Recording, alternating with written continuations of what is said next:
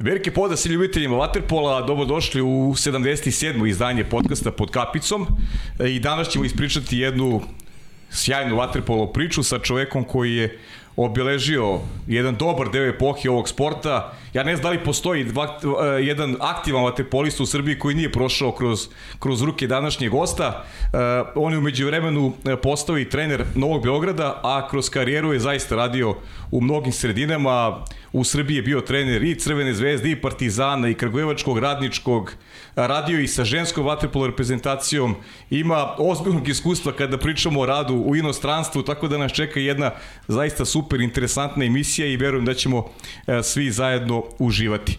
E, pozdrav pre svega za moju dragu koleginicu Saro. Ćao Saro. Zdravo Pavle. Dobro si, jesi? Naravno. Spremna si za još jedan a, naš poduhvat zajednički, jesi? Jesam, naravno da Dobro. da jesam. Uvek sam spremna i uvek mi je drago da ugostim uh, ljude sa ovako bogatim i lepim karijerama. Sa nama u studiju na kraju univerzuma je uh, Dejan Jovović. E, dobar dan i dobrodošli. Dobar dan i dobro s našoj. Dene, kako se dopada ovde? Ono naše klasično pitanje, Ona, pa, ono, više spotova, već sam registrovao u Formulu 1 koje, koje je meni ovaj, ne slaba tačka i ovaj, baš sam onako uh, kako i kad sam bio po inostranstvu sam bio razne, razne linkove kada, kada nisam bio u mogućnosti na zvaničnim televizijama da gledam, tako da mnogo mi se sviđa, stvarno mi se sviđa. E, obavezno ćemo ovako pred kraj da se da se postavimo Formula 1.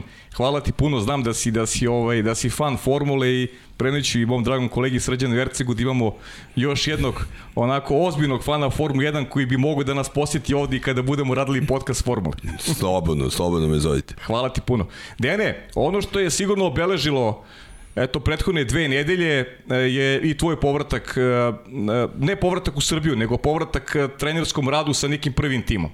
Dolazak u, u, u Novi, Novi Beograd, Vaterpol javnost je dobro poznaje, pa ajde podeliš malo s nama te impresije vezano za, za eto, neki razgovor sa, sa čelnicima kluba, šta su ambicije, koliko si zadovoljan ovim početkom, da, da ulazimo previše u detalje jer praktično si tek si postao prvi trener. Pa sigurno da ovaj, kad se pojave ovakva prilika ovaj, da preuzmete ovako jednu vrhunsku ekipu da se to ne odbija, to, to ovaj, nema dileme. E, jeste došlo iznenada i jeste došlo nešto što ja nisam planirao uopšte ove godine, jer ovaj, vratio sam se iz inostranstva, e, iskreno mi je bila želja da malo odmorim od seniorskog vaterpola i, e, i da se posvetim radu sa decom i to u krajnjem slučaju sam svima i rekao kad sam se vratio ovde. E, desilo se ovo što se desilo, ja jednostavno sam došao u situaciju da nastavim nešto što je vlada Vujasinović započeo i ono što sam ja igračima rekao, ja sam rekao da kada neko dođe na pola sezone, to je praktično samo da izvučemo ono što je najbolje iz onoga što su do sada radili i da to sprovedemo do kraja sezone na najbolji način i ovaj, u krajnjem slučaju na kraju sezone ako budemo uspešni sve da stvarno se zahvalimo vladi koji je inicirao celu tu, uh mhm. -huh. celu tu ovaj, priču oko ovog tima. Do sada ide dobro. Uh. -huh. ovaj, uh, onako imamo jednu dosta dobru komunikaciju uh, neki od tih igrača ja poznajem, iskreno vam kažem uh, nisam ih puno trenirao uh. -huh. da, da mogu da kažem da su to igrači koji su radili sa mnom osim neke od njih koji su bili sa mnom u, još u vreme juniorske reprezentacije tamo Strahinja, ne znam, Viktor Dašović uh, Duleta i Gojka Pjetlovića znam kroz rad i u Partizanu i kroz uh, A reprezentaciju, ali opet sa jedne pozicije gde je ovaj, u to vreme Dejan Udović bio glavni trener. Tako da ide jedan period upoznavanja i sve, međutim ovaj, mislim da nam je takav kalendar da, da je to jednostavno sve u, hodu i da za sada do, valjda da kažemo, dobro funkcioniše i ja se nadam da ćemo tako i nastaviti. Uh -huh. nije, nije, nije neka tajna, Novi Beograd je takva ekipa, takvo sklepana po znacima navoda sa svim masovima, što, što srpskim, što, što momcima koji igraju i za druge reprezentacije. Dakle, trofeji su nešto se očekuje, pre svega ovi domaći, Liga šampiona, ja to volim da kažem, e, možda javnost ima i prevelike očekivanja. Ok, ovaj Beograd jeste u grupi favorit, ali kad imaš ekipu koja je tek napravljena ove godine, mislim da treba jedno vreme, ogledamo kako drugi e, godinama već igraju zajedno, a daleko su od toga da su neprikosloveni. I muče se i oni kašljucaju, bukvalno s izuzetkom Breše, e, koje u ovoj zaista grupi smrti igra fenomenalno. Sve ekipe imaju onako uspone i padove što je negde, negde za očekivati. Pa gledajte, što se tiče Novog Beograda, odnosno i ove sezone generalno, znači prva stvar, stvarno ovo sa ovom pandemijom mhm. -huh. na dan utakmice radite test, neko vam dođe kaže igrač je pozitivan, znači mislim onda taj igrač ode 5 dana, 7 dana, sad je to malo skraćeno pa ga nema na treningu. Tako da je jedna specifična sezona, znači što se toga tiče. A s druge strane, e, kao što znate, pošto sam ja bio i deo projekta Radničkog, uh praktično uh -huh. kad je Radnički počinjao, gde smo mi u prve dve godine sa jednom vrhunskom ekipom ajde možda, neću sad da poredim da li je na istom nivou, ali možemo da kažemo da je na istom nivou, osvojili praktično samo jedan trofej i to je bio trofej uh, Lige uh, Kupa Evrope Kupa koji je ipak neko takmičenje drugo po rangu u odnosu na, na kup šampione, tako? Uh mhm. -huh. I ovaj, uh, nije lako novom klubu, bez obzira kako dobro ekipu imamo, nije lako osvojiti prvi trofej i potrebno je da se slože kockice i to je ovaj, nešto što smo svi u klubu svesni uh -huh. i mislim da, ovaj, e, da bi za Novi Beograd ove godine osvajanje trofeja do kraja sezone da li je to Jadranska liga, da li je kup šampiona, da li je prvenstvo, stvarno bio jedan veliki korak ka tome da to postane normalno u narednom periodu. Mhm. Tako je. Mhm. Pogledajte Radnički, Radnički je Znači, posle tog Dream tima koji smo mi imali, praktično on osvojio prvi trofej u jednoj uh, slabijoj konkurenciji, a prošle godine, te, znači koliko je to, jedno, šest godina, sedam godina, ušao u to da je to nešto što je deo nekog proizvoda kao nekog sistema koji je dugo postavljen pre, eto, skoro de, ne skoro 10 godina sad već. Uh mhm. -huh. Aj za kraj ovog bloka, uh, vezano za, za, za, za tvoj povratak, sigurno si pratio i dolaskom, povratkom u Srbiju. Kako ti se dopada ova, ova scena u Srbiji kada govorimo o Waterpolu, više kvalitetnih klubova, koncentracija velikog broja dobrih igrača, nešto što sve nas koji volimo Waterpol onako čini, čini zadovoljno, uživamo što svake nedelje bukvalno možemo da gledamo, gledamo vrhunske predstave i e, da li vidiš u svemu tome jedan benefit da i kada govorimo o prilivu mladih igrača da to nešto da je to nešto će postati standard. Mislim da je da je da je to mnogo važnije od od samih trofeja koji će u nekoj dobroj koncepciji sigurno doći doći ovaj doći, doći na red, ali mnogo važnije je da, da vi koji ste u Vatepolo dobijete sigurnost u radu i, i, i neki, neku priliku da na duže vreme e, kreirate neke nove prilike u srpskom Vatepolu. Pa gledajte, prvo ovo je fenomenalna stvar, znači ovo je stvar koju treba održati u jednom dužem vremenskom periodu.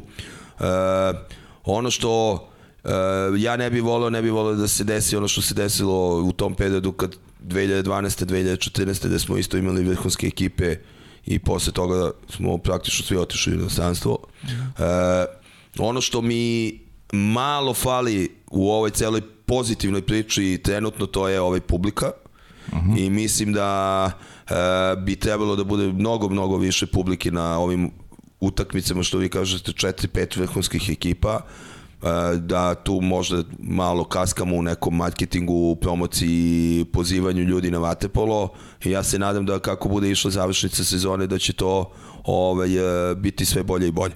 S druge strane, benefit, pa evo, Sava Danđelović, dvostavski olimpijski šampion, počeo je karijeru 2012. u vrhu ekipi Crvene zvezde. Uh mhm. -huh. Evo, ja mislim da bolje priče od toga nema. -hmm. Znači, mi imamo sada situaciju da mi imamo igrače koji sada imaju 19, 20, 21, 22 godine, koji igraju u Partizanu, koji igraju u Zvezdi, koji igraju u Radničkom, u Novom Beogradu, uh, koji imaju prilike od istinskih šampiona da nauče šta je to pravi vaterpolo, šta je to pravi pristup vaterpolu i način na koji se dolazi do toga da postaneš olimpijski šampion. Mm -hmm. Prema tome, ja mislim da je to jedan za, ogroman zalog za budućnost i da će nam to stvarno ovaj, dati rezultate u budućnosti. Da, popuno slažem s to. Mislim da ovo što si rekao na kraju da je, da je to siže svega. Generacija koja je bila svetski juniorski šampion, svi ti momci su u Srbiji, igraju za četiri najbolja kluba u Srbiji, igraju u jednoj ligi koja je ekstremno jaka i čak tri kluba od ta četiri su u, u, u Ligi šampiona, što je zaista neverovatan benefit. Nešto prethodne generacije nisu, nisu mogli ni izbliza dokuse. Tako je, sigurno. Ono što je moja poruka svim tim igračima je da ovaj, e, upijaju bukvalno svaki moment proveden pored igrača koji su sve to ostvarili već. Uh -huh. I mislim da im je to jedan, jedna velika škola i da ovaj, ne smiju da propuste ni jedan trenutak u toj školi. Uh -huh. Hvala deki puno, Saro, hoćemo da vratimo da, malo vreme unazad, da? Tako je, završili smo ovaj blok trenutnih dešavanja ili vraćat ćemo se definitivno na to jer se svašta nešto dešava, ali ja se vraćam na vaš početak. E, 83. E, počinjete svoju karijeru u Partizanu. A možda i da ne pričamo o godinama, ali davno je bilo da se setimo tih e, početaka vaših. I zašto neki vaterpolo? Ajde, bilo je to interesantno pa, priča. Pa vaterpolo, za... ja sam trenirao plivanje, pa, ovaj, uh, uh, prešao sam u Vatepolo zato što u tom momentu ja sam trenirao plivanje na Vračaru, trener mi je bio najbolji školski drug mog pokojnog oca i mm -hmm. uh, oca Mladena Kapoda, našeg poznatog A, plivača. plivača da, jeste, da, da, legenda, da. Da, on je, to su bila tri školska prijatelja iz 14. Beogradske. Ja i Mladen smo trenirali u Vračaru. Uh, to je bio klub koji trenirao tri puta nedeljno. Onda je ovaj, prešao na viši nivo trenera pet puta nedeljno. U tom trenutku sam ja pored eh, plivanja išao na engleski i ne znam na još nešto čije nečem se se bavio, ne sećam se i ovaj i onda mi je trener došao rekao pred svima otprilike ili se bavi plivanjem ili ovaj se bavi klavirom ili tako nešto. Mhm. I, I onda je reakcija, seća se mog oca u tom momentu bilo kako meni moj prijatelj iz škole može tako proziva dete i ovaj I ja, dećemo, šta ćemo, ajmo na vaterpolo, svidjelo, uvek sam voleo vaterpolo i tako sam počeo u Partizanu trenirao do 83. Uh, e, ja sam bio prva generacija koja je koju je Nikola Stamjenić trenirao kad je postao trener. Znači, mm -hmm. moja generacija, 67. je prva generacija. Sećam se da smo imali obaveze da gledamo Nikolu kako igra za Crvenu zvezdu te u poslednju sezonu njegovu. Mm -hmm. I ovaj, I to Ka, je... Kako je bio Nikola u, u bazenu? I se, se, se Pa Nikola je bio, do, bio je onako dobro, već je to bilo na kraju njegove igračke karijere, ali je igrao pametno i nije se trošio puno. Aha. A ovaj, I to je trajala ta moja igračka karijera, pazite, tad je konkurencija u Partizanu bila neverovatna, znači tu je otprilike ako prođe jedan igrač iz generacije u prvi tim, to je bio uspeh.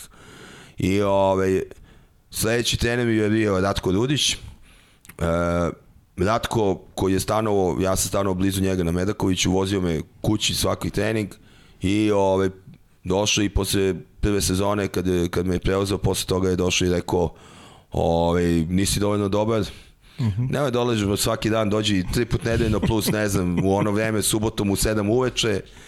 I ove, ja sam rekao, dobro, nema problema, nastavio tako i onda je on u jednom trenutku mi došao rekao, da, šta ti misliš da mi počneš malo vodiš statistiku, ne znam, sudiš i tako i to je bila ta 83. i ja sam praktično prestao da igram i ovaj, počeo se bavim statistikom, u ono vreme nije bilo kompjutera, to je bila pisano, uh, sudio, Bio sam sudija, sudija i to sam sudio sve Partizanove trening utakmice prvog tima, znači sa 16-17 godina, kogod dolazio, da li su Mađari, da li su Rusi na banjicu, ja sam sve to sudio.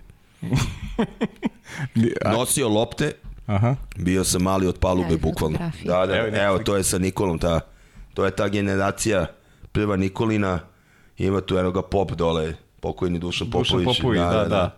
I tu je iz cele te generacije praktično jedini koji je stvarno vrhunski igrač postao je ovaj, e, Anto Vasović. -huh. Koje da kažemo, ove sve ostalo su bili talenti, sve Nebojš Antonović je sa mnom radio posle kao, on je bio trener golmana i u Partizanu. Tu je Dule Babiš, evo ovaj dečko do Nikole, koji je bio van serijski talenat, ali se nije uklapao u batin sistem razmišljanja u Partizanu i -huh. igrao je posle za Beče i sve, Milan Tričković, sad Pino Dragojević, Da, Pina znam, Pina da, znam dobro. Pa da. da. Ima Pino tu, koji si otisnu, otisnu teninske vode. Miće Perišić, Ove, ima tu sad da, da, da nekoga ne izostavimo, ali u principu dosta tih ljudi je i ostalo u Vatepolu posle toga. Mhm. -huh. na, na razne načine. Jeste. A dobro, znači, znači Ratko Rudović imao tu presudnu ulogu da od te 83. godine eto, počeš u neku ruku da se baviš stvarima koji nisu direktno vezane za bazen, već neki trenerski posao. Viš ti privukao trenerski posao nego suđenje? Pa gledajte, ja sam do, do, to je bilo, to je trajalo negde, ono u vreme se išlo u vojsku sa 18 godina, uh e, to je trajalo do vojske. I ovaj, umeđu vremenu Ratko postao selektor, tako da sam ja praktično u tom prvom momentu nisam se bio, bio toliko ovaj, na radaru, što se kaže, uh, unutar kluba, ali ono, ma, bio sam stvarno bukvalno mali od palube, znači nije bilo posla koji nisam radio. Uh mhm. -huh. Otišao sam u vojsku, kad sam se vratio iz vojske, došao mi je Bato Odlić i rekao, ok, šta ti hoćeš? Uh mhm. -huh. A, da li hoćeš da budeš sudija, jer sam stvarno puno sudio, ili hoćeš da budeš trener. Onda sam ja rekao, pa dobro, ja bih pokušao oba ako može. Uh mhm. -huh. A onda je Bate rekao, ne, ili si sudija ili si trener. I ja sam u tom momentu rekao, ok, trener sam, I, ovaj, I onda je krenula jedna batina škola koja je trajala od 86. dok on nije otišao iz Partizana od, do 89. To je bilo ko da imam mentora ono, u, na, na, da vas uzme neko na fakultetu i da kaže ok, ideš ovamo, učiš ovo, pišeš mi šta si naučio, čitaš mi i sveski koji si ispisao i to je bilo sve sam radio. Znači, bio sam tim menadžer prvog tima, završavao spiskove za hotel, e, bio sam e, trener golmana, bio sam kod Nikole Stavinića, bio sam kod, u prvom timu pomoćni trener, išao sam na skupštine i na stručne savete ovaj, u ono vreme Vatapolo Saveza Jugoslavije, naravno, gde mi je rečeno da mogu da sedim i da ne smem reč da progovorim da samo čut, čutim mm -hmm. i slušam i to je trajalo sve do njegovog odlaska iz Partizana praktično 89. godine. 89. Kad kažeš deki uh, imao si imao si neku vrstu mentora uh, šta, šta je to značilo? Si, li si imao neki neki moment kada si rekao je, ja, ja ovo više ne mogu, jer, jer znam svašta ljudi pričali kolike je taj, ti si imao prilike da radiš sa, sa svim najvećim umovima, i da kažem trenerske struke kada govorimo, kada govorimo o ovim prostorima i sa, i sa Ratkom Rudićem i sa Nikolom Stamenićem, radio si i sa Batom Orlićem, kasnije si radio i sa Nenom Manojlovićem, ali e, šta bi onako nama, nama, nama sa strane i sa, i sa ljudima koji, koji vole vaterpolu nešto izdvojio kao neku, kao neku specifičnost i šta je to što ti kažeš za sebe danas, e ja sam naučio to i to i hvala tim ljudima što su me što su me ovaj uputili na na prave stvari. Pa ono što je specifično što je to je da ne odustaješ nikad. Je. Mislim uh -huh. to je neverovatno koliko je to bilo koliko je ta energija kod svih tih ljudi bila u to vreme. E, gledajte, to su e, ako gledamo osim Bate Odlića koji to vreme stvarno bio mentor svih nas. Uh -huh. ovaj, e, to su neki i početci Nikole Stamenića, znači evo ja sam neko ko igrač, pa on je negde tamo kasnije 85. 6. postao selektor juniorske, pa onda -hmm. posle i seniorske reprezentacije Ratka, e, Dule Antunović je tad bio u Partizanu kao mm -hmm. trener prve ekipe, Miško Stefanović, ovo, znači, dan danas, ako pričamo o jugoslovenskoj školi, Vata, golmana u Vatapu, mm -hmm. to je Miško Stefanović, mislim, nema, to je ime koje je jedino koje, koje ovaj, je je vredno stvarno da, da se pomene. Ovaj, e, to je neverovatno koliko je tu bilo s njihove strane pozitivne energije koja je vas terala da, da idete do kraja. Naravno, bilo je tu nestašluška. Ovo kad kažeš da li sam razmišljao nek, nekada prekinem, ja nisam. A da li sam bio blizu da prekinem, bio sam, mogu vam reći, ja sam imao 20-21 godinu, Ovaj, bilo je tu izlazaka, bilo je tu izlazaka sa igračima iz prvog tima, pa smo svi bili na tapetu, pa da nam ne pričam, bilo je tu nekih uh, sastajana na parkingu gde smo se dogovarali šta da kažemo predsedniku kluba, gde smo bili, šta smo radili i tako, mislim, bilo je svačega. Mm. Tako da, ovaj, jedno, ono, mladost, jedna stvarno uh, rana mladost i ovaj, ali ogromna posvećenost. Mislim, mm -hmm. ja mhm. sam stvarno, ja, ja sam bio student saobraćajnog fakulteta koji je u Vojvode Stepe, uh mhm. -huh. gde sam ja posle godinu dana saobraćajnog fakulteta, umesto da odem na fakultet ujutro, ja odlazio ujutro na trening na banjicu koji je bio preko puta, je tako. Tako uh mhm. -huh. da, stvarno jedna velika ljubav koja do danas traje. A kad bi morao da izvojiš nekog od ovih trenera, ili bi mogo to da uradiš zbog nečega ili, ili, ovaj, ili bi ipak to možda zadržao pa, za sebi ili ne možda napraviš neku pa, naviku? Ja ne bi, znači ja lično smatram da sam stva, od svakog od njih uspeo da uzmem nešto. Uh -huh. uh, Gledajte, ja, znači, evo, ja ću navesti primer jedan, uh, Ljuba Mečkić kad je postao trener uh -huh. Partizana. I u to vreme sam ja bio, Miško Stefanović u to vreme bio na nekom bolovanju zbog uh, operacije bypassa. Ja sam bio trener golmana i trener junior, junior Partizana.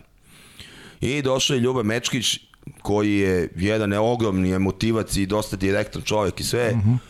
I on je meni u tom momentu rekao otprilike, ajde mali ti si sve vreme tu, tete ovaj, vodite ovaj, ovaj, ti treba da imaš samostalnost, ti više nisi ovde, ti nisi u prvom timu, ti, ti ima da uzmeš juniore i tamo ima da guliš i sve ovo ono i da imaš svoj put. I meni je to u tom momentu bilo ono kako ja, ja, ne znam, ovo, ja, ono.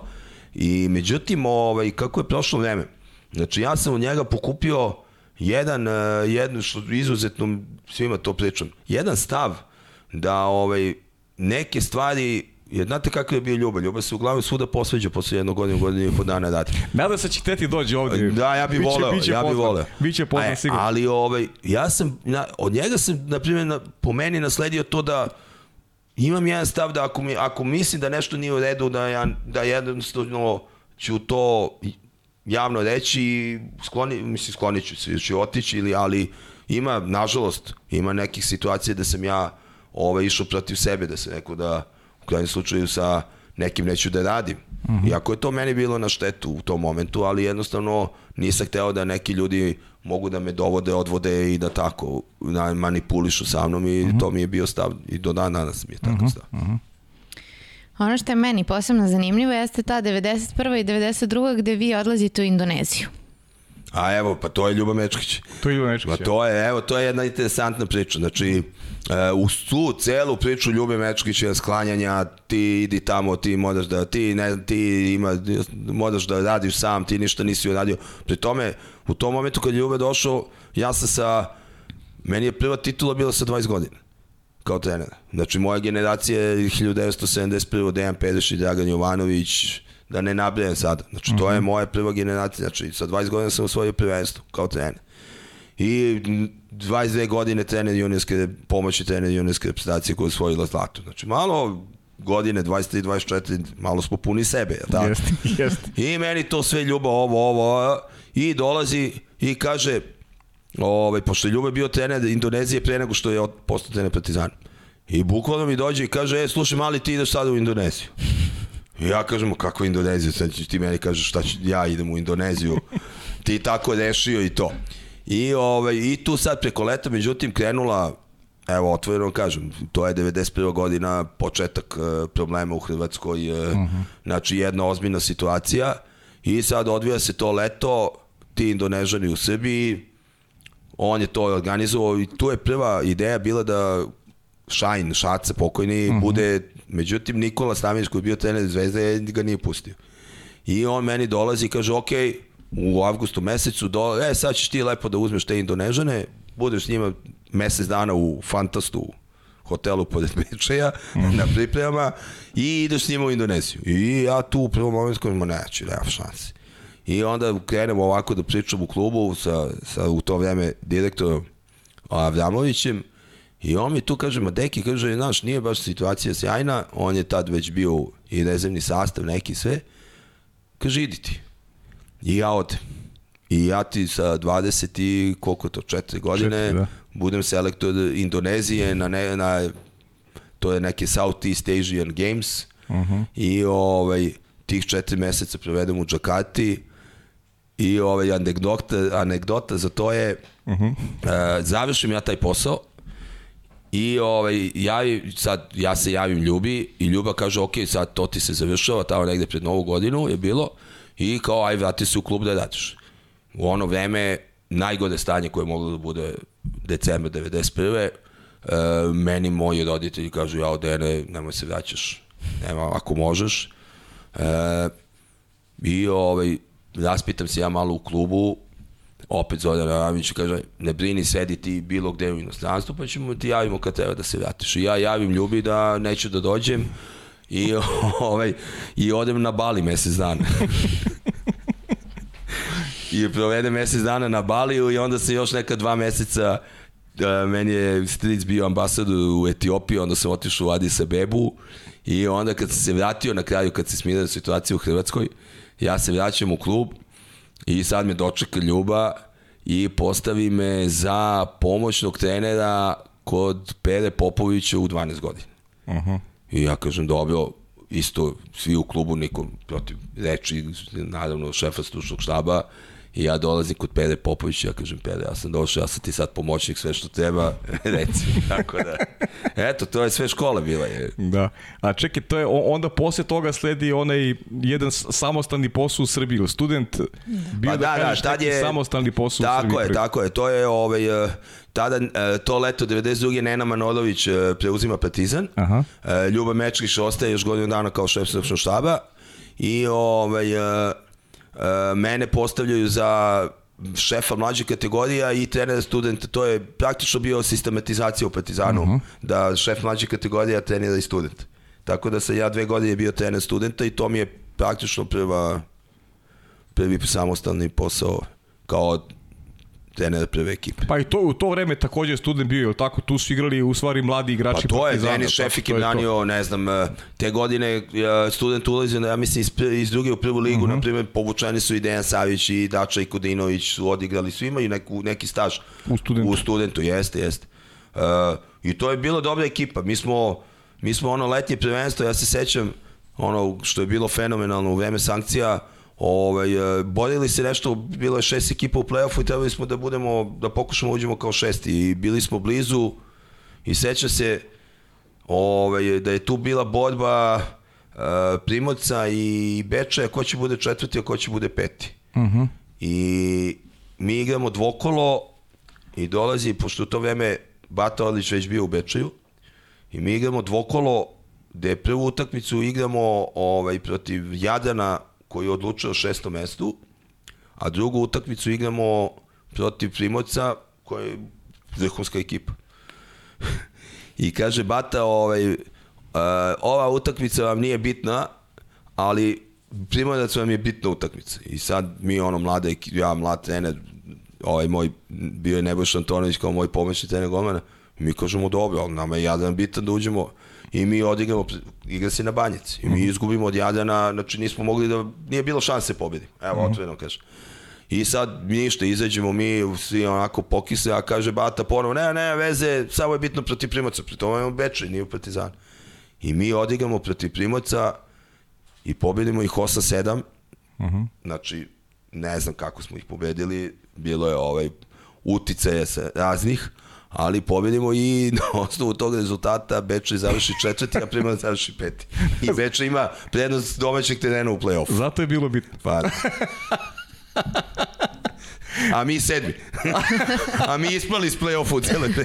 Zna je Bata da odigre kako njemu odgovara. Na, na, to je, znači ja mislim da je stvarno, uh, ono što je on nas sve naučio i to je, to je, mislim, da. mi svi vučemo od toga. Znači i svi, i Nikola i u krajnjem slučaju Ratko uh mhm. -huh. i ovaj Nena kasnije, stvarno, stvarno. I ovi svi igrači koji su se kod njega razvijali, evo dan danas kada sedem sa Acom Šapićem da pričam, znači kad pričamo o Vatepolu, kad slušaš Acu Šapića, stvarno i on je puno vremena proveo s Batom i puno tih stvari koje, koje smo mi slušali od njega, tačno čuješ, na primjer, on je ipak mlađa generacija od nas. Da, ostale su, ostale, ostale su, su, ostale su glavi. Ne, ne, ne, to je...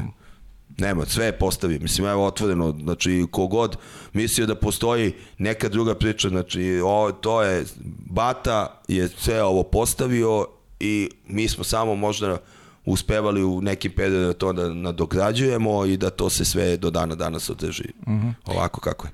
E, znaš šta me zanima iz tvog ugla, tog, tog nekog početka trenerskog posla? Negde smo odrastali u, u, u ono vreme kada vidiš e, sedu glavu uh, sedu bradu da je to autoritet uh, i da treba da poštoješ starijeg. Ti si Uh, nije baš bilo tipično da da neko sa toliko malo godina treba da bude autoritet igračima u bazenu. Sada se malo vremena menja, ali u to vreme uh, složit ćeš se nije baš bilo specifično. Kako si uspevao da, da pronađeš neki neki balans između autoriteta i, i, i nekog, da kažem, ličnog odnosa sa, sa, tim, sa tim mladim igračima, jer su ti bili ovako jako bliski po, po godinama, imao si situacije gde si trenirao i starije čak od sebe. Tako je, ovaj, e, pa gledajte, neki moj, aj sad posle 35 godina mogu kažem i pečat, e, ovaj, je taj da, da sam ja dosta direktan u odnosima i ovaj, e, baš to što si me pitao je odlično pitanje, jer ja kad sam postao trener Partizana 96. ja sam imao jednu ekipu u kojoj su bili igrači koji su već na neki način imali za sebe dobre karijere. E, ja, ja sam bio 95. znači 28 godina. Mhm. -huh. I, ovaj, I naravno da ja nisam mogao da idem na taj autoritet, da ću ja sada da budem ljut, strog, da, mhm. -huh. da sam se drao, drao sam se, -huh. Da kažem. Ali ovaj, ono što mislim da sam uspeo svih ovih 30 godina da, da zadržim, a to je jedan direktan odnos i jedan otvoren odnos u kome zahtevamo od svih da, da budu otvoreni, da damo svoj neki maksimum, da ovaj, ako to je dovoljno, dovoljno, ako nije dovoljno, ali da ono što ja nikad nisam voleo, nisam voleo da tu postoje neke skrivene stvari i sve. I ovaj, čak mislim da baš to što sam bežao od tih skrivenih stvari uh, u moje trenerskoj karijeri je možda i dovelo do toga da sam ja u nekim situacijama gde da nisam ovako možda bi i profitirao, ali jednostavno nisam hteo da idem protiv sebe. Uh -huh, uh -huh. Pa upravo to, e, dakle, 96. do 99. ste bili e, prvi trener u Partizanu, pa ajde da se podsjetimo ko je bio u tom trenutku u bazenu. Pa 96. kada sam ovaj, e, praktično u završnici prvenstva nasledio Nenu Manojlovića, to je bila ekipa gde je Dejan Savić bio ovaj, kapiten, gde je praktično cela ta generacija koja je posle dve godine uz pojačanja gde su nam došli ovaj, Vlada Vujasinović i Nikola Ribić i ovaj, došao nam je Soro ovaj, kao mlad golman gde je osvojila Len Kup. Ova mm -hmm. ostala, ostala ekipa je praktično bila ekipa Partizana, tako je, to je ovaj, 98. sada već. Ovaj, uh, I ja sam prošao period, moram da kažem, znači ja sam prošao period sa, o, sa ovom ekipom što vidite, izuze Vlade i ovaj, uh, Nikole Ribića, period u kome su oni ovaj, sazevali kao profesionalci. Znači, to su sve igrači koji su na, nažalost odrašli u najtežim vremenima. Znači, uh mhm. -huh. meni je krivo što nije, nije bilo Pere Trbojević, on je već tada otišao. Kad sam ja došao, on je otišao već u inostranstvo. Uh mhm. -huh. Ali ne znam šta vam kažem, kada, kada, se, kada ja, Pera Trbojević je bio moj komšija uh mhm. -huh. na Vračaru.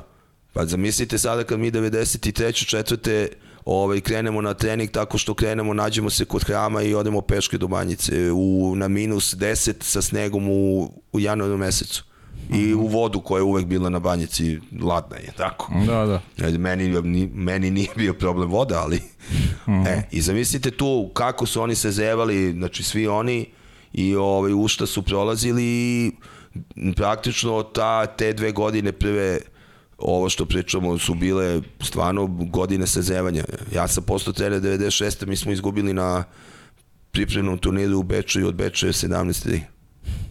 Uh -huh. Sa Dekijem Savićem, sa Dačom i Kudinovićem u sastavu Beča već bio ozbiljna ekipa. Uh -huh. 17. Da, da. I postali posle dve godine osvajači Len Kupa i igrali finale sa Beče za malo da, ih, da pa, izgubili smo 2-1 u, u play-offu. I, I Beše ta treća utakmica nešto na gol razlike ako se Ne, ne, nije, nije, ta treća su nas, ta treća nismo mogli da priđemo. Onda je, onda prva, je prva, prva u Beče bila gol razlika. Utakmica, mhm. -huh. jeste. Prva u Beče bila gol da, razlika. Da. Deki, imamo, e, Vanja, aj pusti ono, ono treće pitanje, pošto se nadovezuje na temu. Poslednje koje sam ti, koje sam ti ovaj prosledio. Pozdrav svima u studiju, pozdrav Dejanu Jovoviću, pozdrav Paji Živkoviću, velikom ljubitelju Waterpola i siguran sam da mi se dobro i puno zanimljivih detalja i informacija. Evo ja, ja nažalost nisam nikad imao priliku da radim sa Dejanom, ali ga pamtim još e, iz dana kada je bio u Partizanu, ja sam bio dete i išao sam često na utakmice, sve to prati i gledao i e, u naj ono jačem sećanju mi je ostalo finale Len Kupa protiv Splitskog Jadrana kada je posle nerešenog rezultata u, u Beogradu Partizan pobedio 3-1 u nevjerovatnoj utakmici u Splitu i, i osvojio Len Kup prvi u, u istoriji Partizana, pa bi želeo Dejanu da postavim pitanje da, da da li se toga sećao posle koliko 24 godine i kako su mu razmišljanja bila posle revanša, da li, da li može Partizan da pobedi u Splitu, pošto je to vrelo gostovanje, puno ovaj, navijača Jadrana, pun bazen, svi su očekivali da će Jadran da pobedi, a, a odigrali ste fantastično i, i osvojili trofej. Pozdrav još jedan svima. Hvala Marko Vramović i pritom Marko mi je pisao, kaže, izvini da brzinu sam snimio, pa nisam poželao Dejanu sreću i uspeh ove sezone, molim te to dodaju moj ime. Da, hvala mu puno.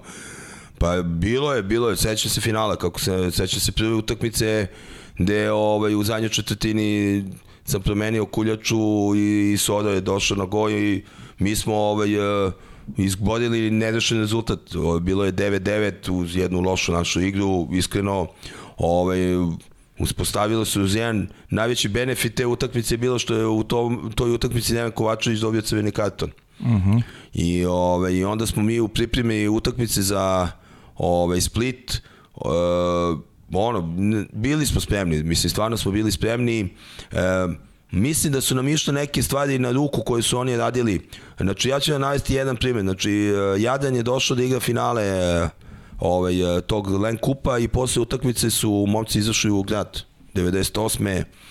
Ja sam imao sticam okolnosti prijatelja koji je radio u obezbeđenju, policijskom obezbeđenju, uh mhm. -huh. koji mi je zvao i rekao ovi su ludi, ovi idu na splav. A, a mi smo krenuli za Zagreb, za Split tako što smo putovali autobusom do granice i kad smo prošli granicu sa ovaj e, Hrvatskom imali smo ja mislim jedno tri automobila iza ispred e, do do Zagreba e, blokiran saobraćaj prolazak kroz aerodrom u Zagrebu bez ikakvih kontrola, bez ičega, sletanje u Splitu, sačekivanje autobusa na, na, na pisti sprovođenje ta dva dana koliko smo bili u Splitu, znači blokiran ceo Split kada mi idemo ko, znači ja, ja sam neko, ovi ljudi, iako nas nisu volili do sada, sad nas još manje vole, pošto smo im podemetili život. Da. I onda je cela ta atmosfera, uh, mislim da nas je punila jednom pozitivnom energijom. Uh, imali smo situaciju, znači Nikola stvarno nije branio prvu utakmicu kako treba, mm -hmm. onda je, seća se da je meni Igor rekao, Ovaj, kad sam ga zamenio, pošto i, naravno, ja sam bio mlad trener i svaki rezultat malo koji je bio loši je opet bio na, na skeneru i, mm. o, i analizirao se da li te sezone, da li treba ili ne treba da se nastavlja sa mnom. I onda to kad se Nikolu promenio posle prve utakmice, znam da mi je Igor koji je bio sportski direktor, rekao ti si lud. Pa jedna od podrška koju imaš, imaš od uh, predsednika Saveza koji je bio neko otac. Da, da. Pa je, ja, ka, ja, ka, ja se sećam da sve kod ma ne brini, biće, biće kuljač odličan u Splitu, ne brini, ja, naravno, i onda pričam, sećam se sa njim, pa onda Igora koga sam zamolio, pošto on bio ono, centar, pa priča Igora sa centrima, sa, sa u ono vreme, da mislim, Drašković, uh, Aca Nikolić, i mi smo stvarno došli na tu utakmicu potpuno fokusirani, navijanje je bilo takvo da smo mi u jednom momentu mislili da ovaj, e, na, e, navijaju i prozivaju Mirka Sandića koji je to vreme bio, ne znam, predsednik Saveza, a nismo baš bili na liniji kao klub sa njim, a oni su vikali, ne znam, nekog, nekog naš, njihovog ovaj, iz cele te priče, onih ratova, razumete, mm -hmm. i tako, tako da ovaj, odlična utakmica, stvarno mm -hmm. odlična utakmica. Neobičnog rezultata. Neobičnog rezultata Danas kad je gledate, znači Kuljac je jeste bio heroj te utakmice, ali je tu puno bila odmjena isto, znači koja mi je omogućila to. Stvarno mm -hmm. smo mhm. bili ko bedem je, nema. Mhm. Mm je bilo neko slavlja, kako, kako si osetio neki, to ti je ipak prvi trofej kao, veliki kako, trofej kao gledajte, trener. Uh, ja mislim da to delimo svi mi treneri, znači uh, moment uh, ostvarivanja rezultata kod nas je jedno veliko prašnje. Uh mhm. -huh. I ovaj, jednostavno u tom momentu kad se to osvoji, dobro, neko skoči u bazi, neko ne skoči u bazi, mislim, ja, ja sam skakao, mislim, da se ne lažemo, ali ovaj, pet minuta posle toga ste prazni totalno. Znači, to je jedan totalno pražnjenje i ovaj, dođe neko slavlje, kasnije imali smo mi slavlje, naravno u Beogradu nismo imali tamo, ali taj moment je... Nisi išli tamo da splave, nisi? Nismo, da. nismo, nismo smeli da izveđemo iz hotela, znači stvarno su ljudi ono, korektni bili, ta poli, policajci sve, a samo se rekli, molim te, ako hoćeš da odeš iz hotela, idemo s tobom, i šetali su, znači bilo je dosta ljudi iz upravi, sve oni su šetali, a stvarno su imali obezbeđenje. Tako da, to je, eto, to je, i to je jedna lepa uspomena, baš je bilo sad pre par godina i tih nekih 20 godina pa smo se slikali isto, mm -hmm. neka slika tu sam, ove, gde smo se skupili, malo matoriji, Da. Malo ono, džangrizavi, kako si kao, dobro, šta ćeš. Deki, u to vreme, tom prvom mandatu u Partizanu, ovaj, to u principu, redki su bili trofeji tada u konkurenciji Bečeja. Teško se moglo, ta generacija koja je onako izašla na pusta savala, ali...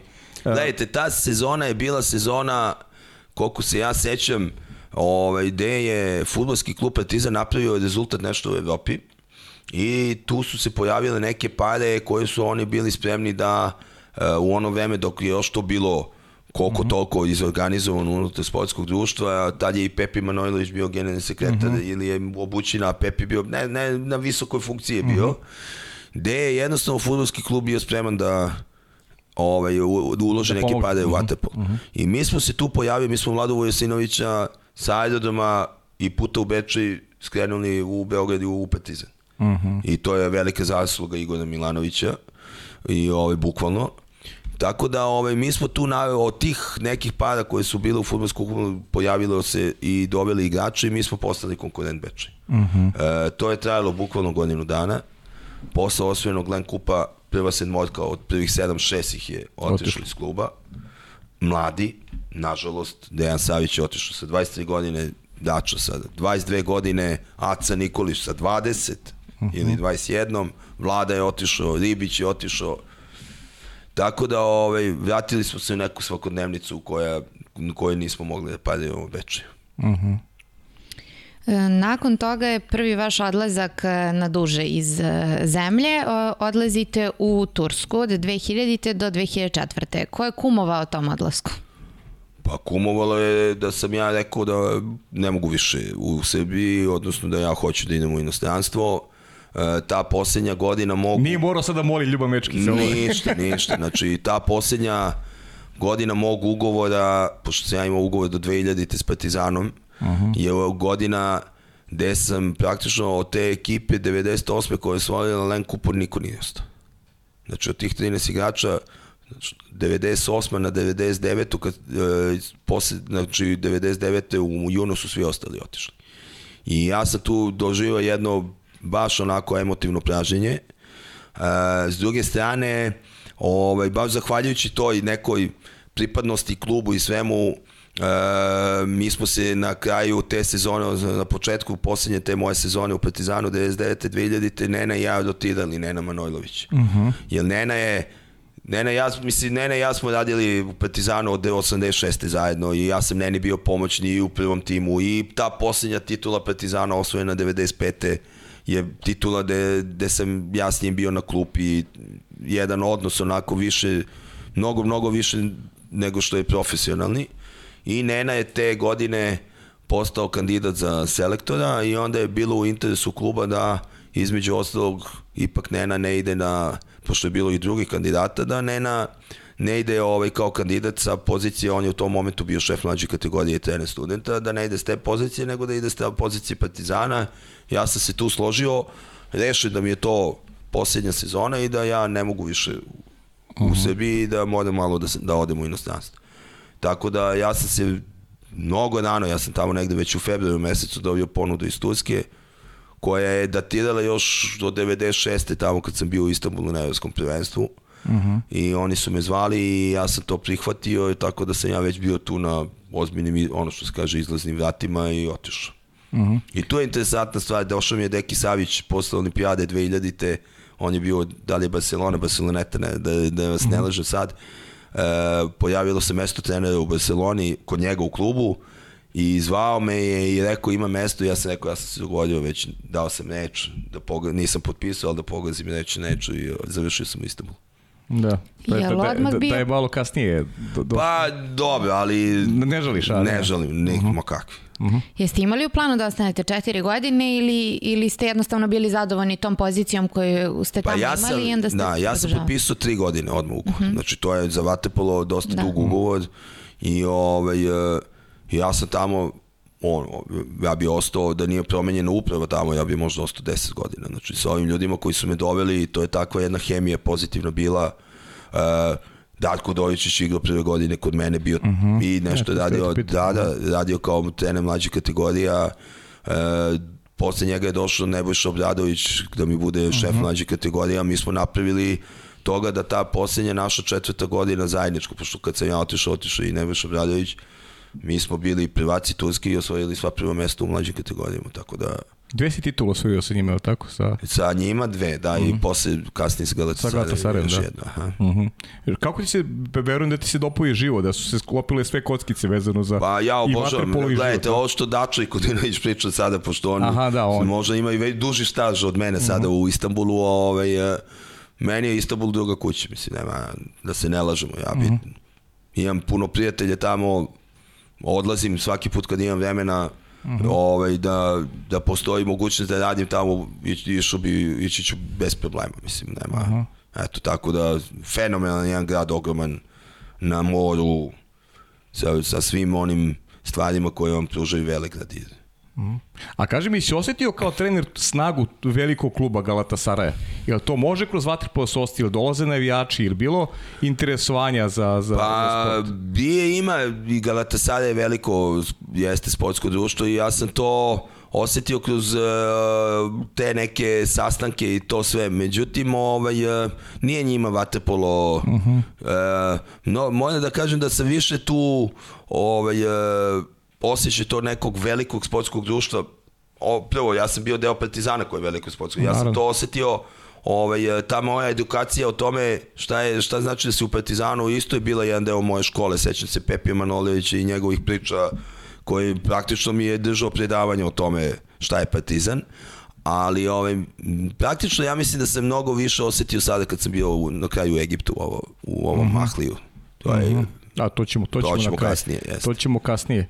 Uh, kaži mi, Sibu u Istanbulu, prepostavljam, tamo je ozbiljna baza i ljudi iz svog, svojih prostora kada je sport u pitanju jedan, jedan velegrad uh, koji nudi milion mogućnosti. Si išao gledaš neke, neke druge sportove, kako si popunjavao slovno vreme? Išao sam, neka išao, išao sam, čak sam uh, u jednom momentu nešto ovim mojim prijateljima zvezdašima, išao sam gledam u ono vreme, ali dobro, to je sad u nekoj drugoj fazi kad je već Aha. zvezda kad je već Zvezda igrala Euroligu, a ne Partizan. Ali išao sam na utakmice, na primjer, Eurolige, Ovaj, uh, volao sam da gledam uh, Efes, Aha. Uh, u ono vreme nije bilo Fenerbahče, još u nekoj kasnijoj fazi mog boravka u Istanbulu i on postojao.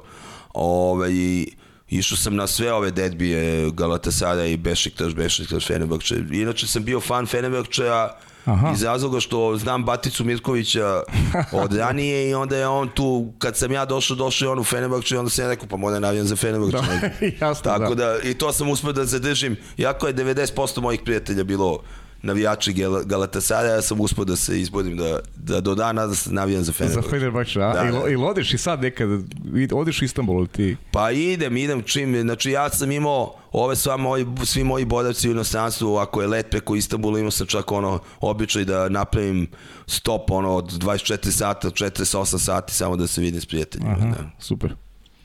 E, nakon te Turske odlazite u Grčku, Atinu godinu dana ste tamo. Vuljagmeni. Vuljagmeni, nema lepšeg mesta za život. E, najgoda sezona u mojoj trenerskoj karijeri. E, ugovor za tri godine, znači, Aha.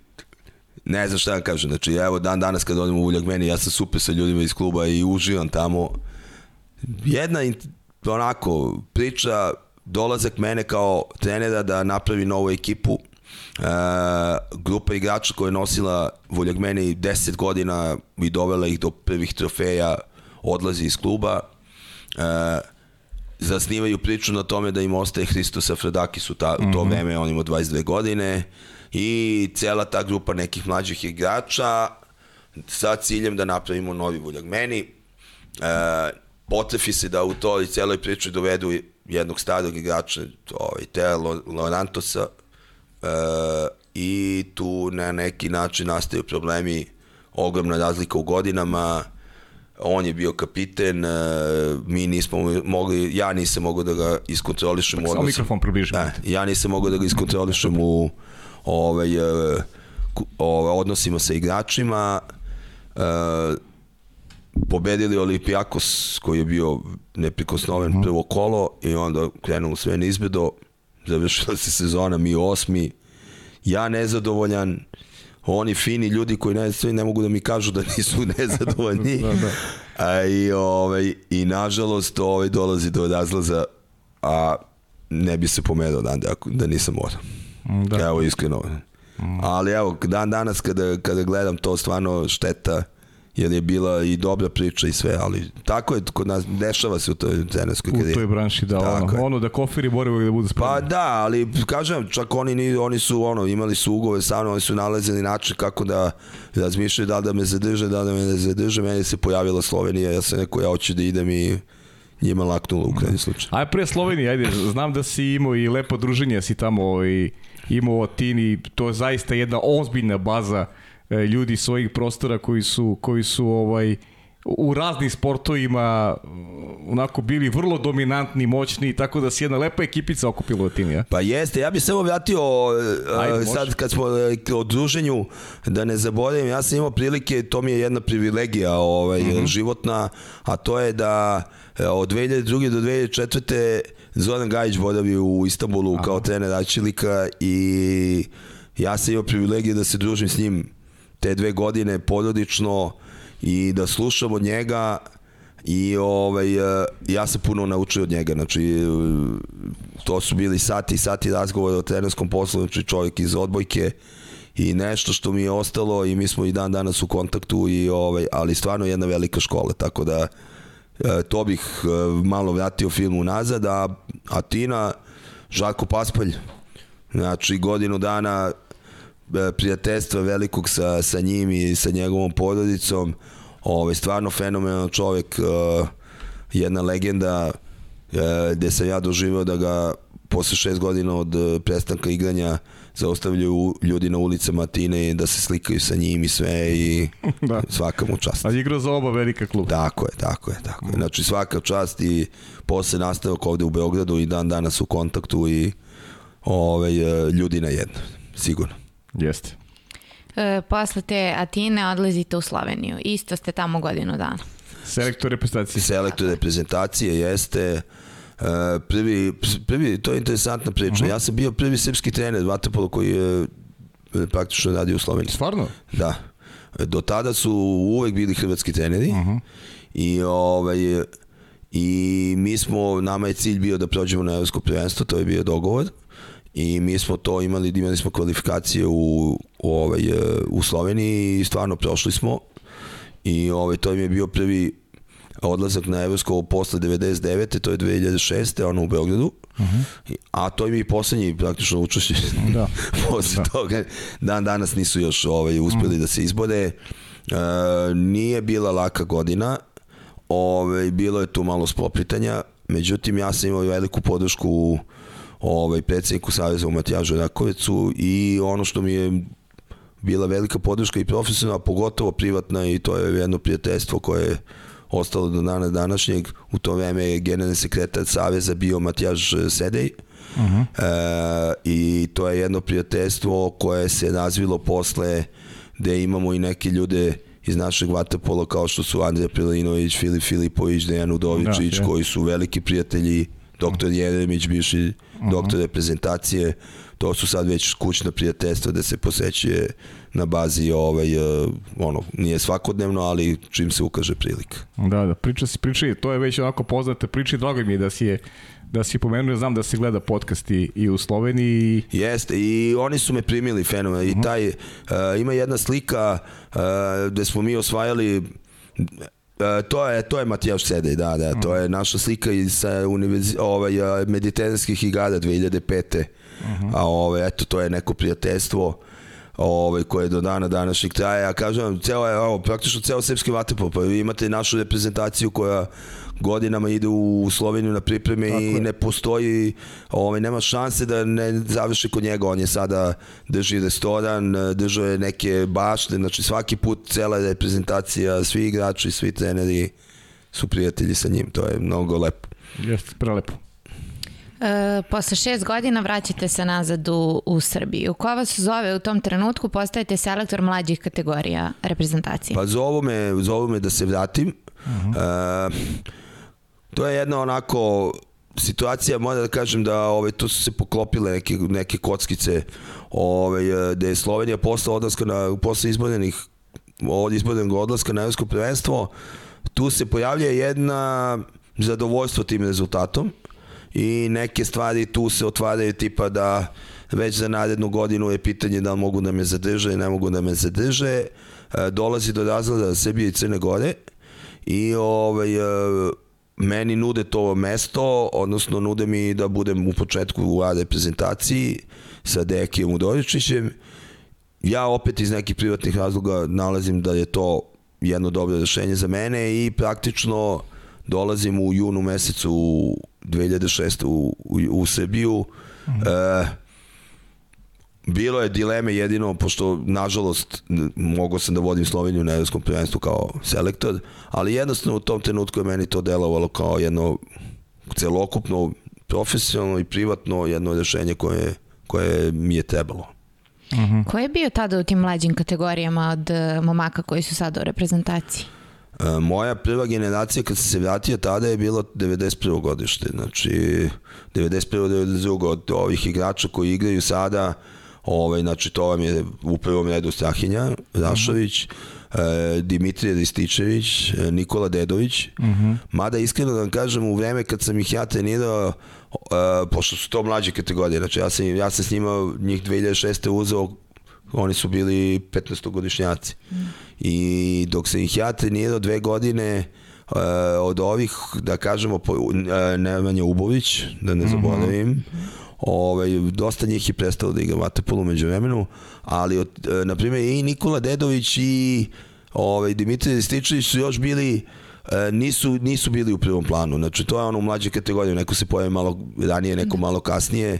Tako da, ovaj, e, ali od ovih, evo da kažemo, Nemanja Ubović i Strahinja su perjanice te generacije. Da. Ovo što, što je deki interesantno, ti si pričali si o Sloveniji, da si Sloveniju ovaj, e, odveo na Evropsko prvenstvo u Beogradu i to je zaista i posljednje prvenstvo na kome je Slovenija učestvovala, ali ti se pre tog prvenstva u Beogradu ti se vratio u Srbiju i bio si deo stručnog štaba koji je osvojio, to je bila prva zlatna medalja od osamostaljenja Srbije. Tako je, tako I, je. I to je prva zlatna medalja ne samo vaterpolo, nego generalno tako prva zlatna je, medalja srpskog sporta je Evropsko Jest. prvenstvo u Beogradu. Ja se jako dobro sećam tog finala sa Mađarskom i pogodka Vlade Vujesidovića za, za, za titulu. Pa ajde malo da se da se podsjetiš, eto, deo si istorije i kako si negde pa, tih sad, kako gledaš na, na, na taj period sad iz ove perspektive? Pa jeste, jeste. Ovaj, uh, ono, ako gledate, ne, ne, možda je to neka kadma, što se kaže, ja sam uh -huh. i 95. smo mi bili prvi koji smo osvojili zlato posle sankcija sa juniorskom reprezentacijom da. one Jugoslavije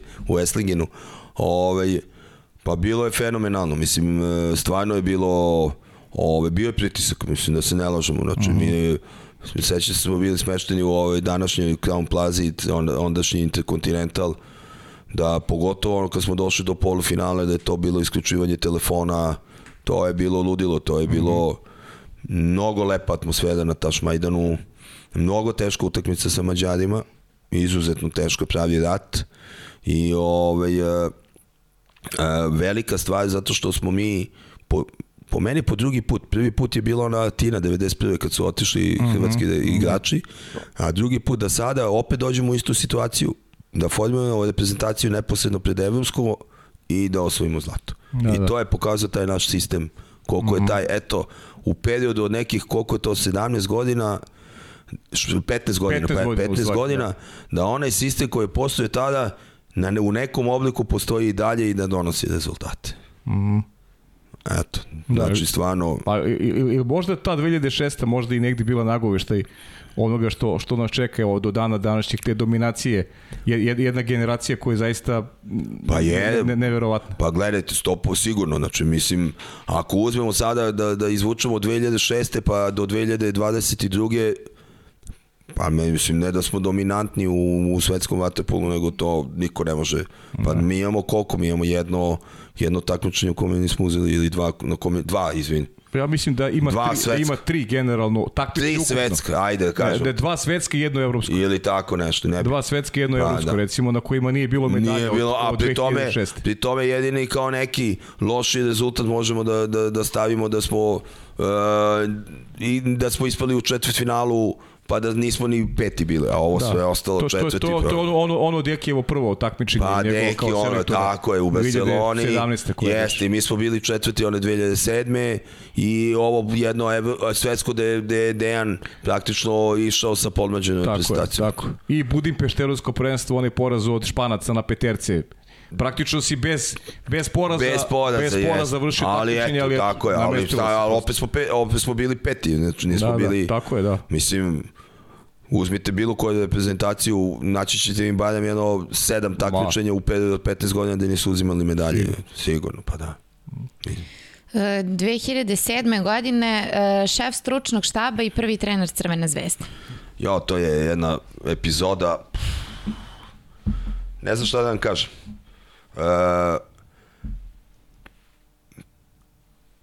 došli su, to je bila projekat da Crvena zvezda postane ozbiljan klub.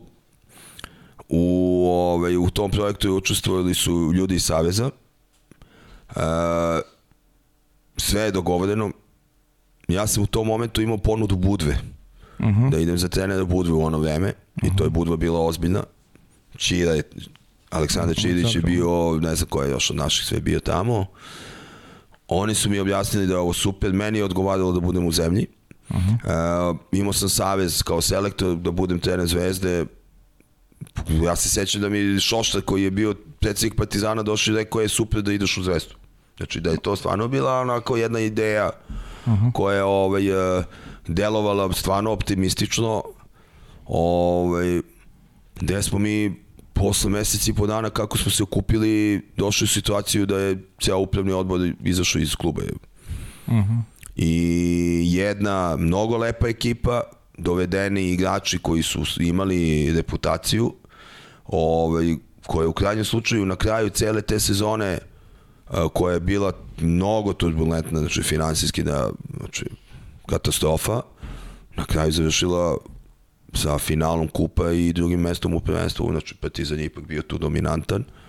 Eto, znači, ja, i ugasilo se. Znači, da. ne prestala da postoji posle toga. Tako da, ne znam šta je bio razlog. Mislim, nije mi jasno da onda nas... E, ovaj, ja sam to pokušavao i s Nenom da se ispričamo oko toga, pošto je, kažem, bio i Savez uključen, bio je i tadašnji predsednik Saveza uključen u tu priču koji inače otvoreno se da danas i to je potpuno ok i jeste zvezdaš i sve i imao je želju. Šta se tu desilo, ja stvarno ne znam. Ali znam da smo mi od oktobra meseca živjeli ono bukvalno na, na slamku. Uh mhm. -huh.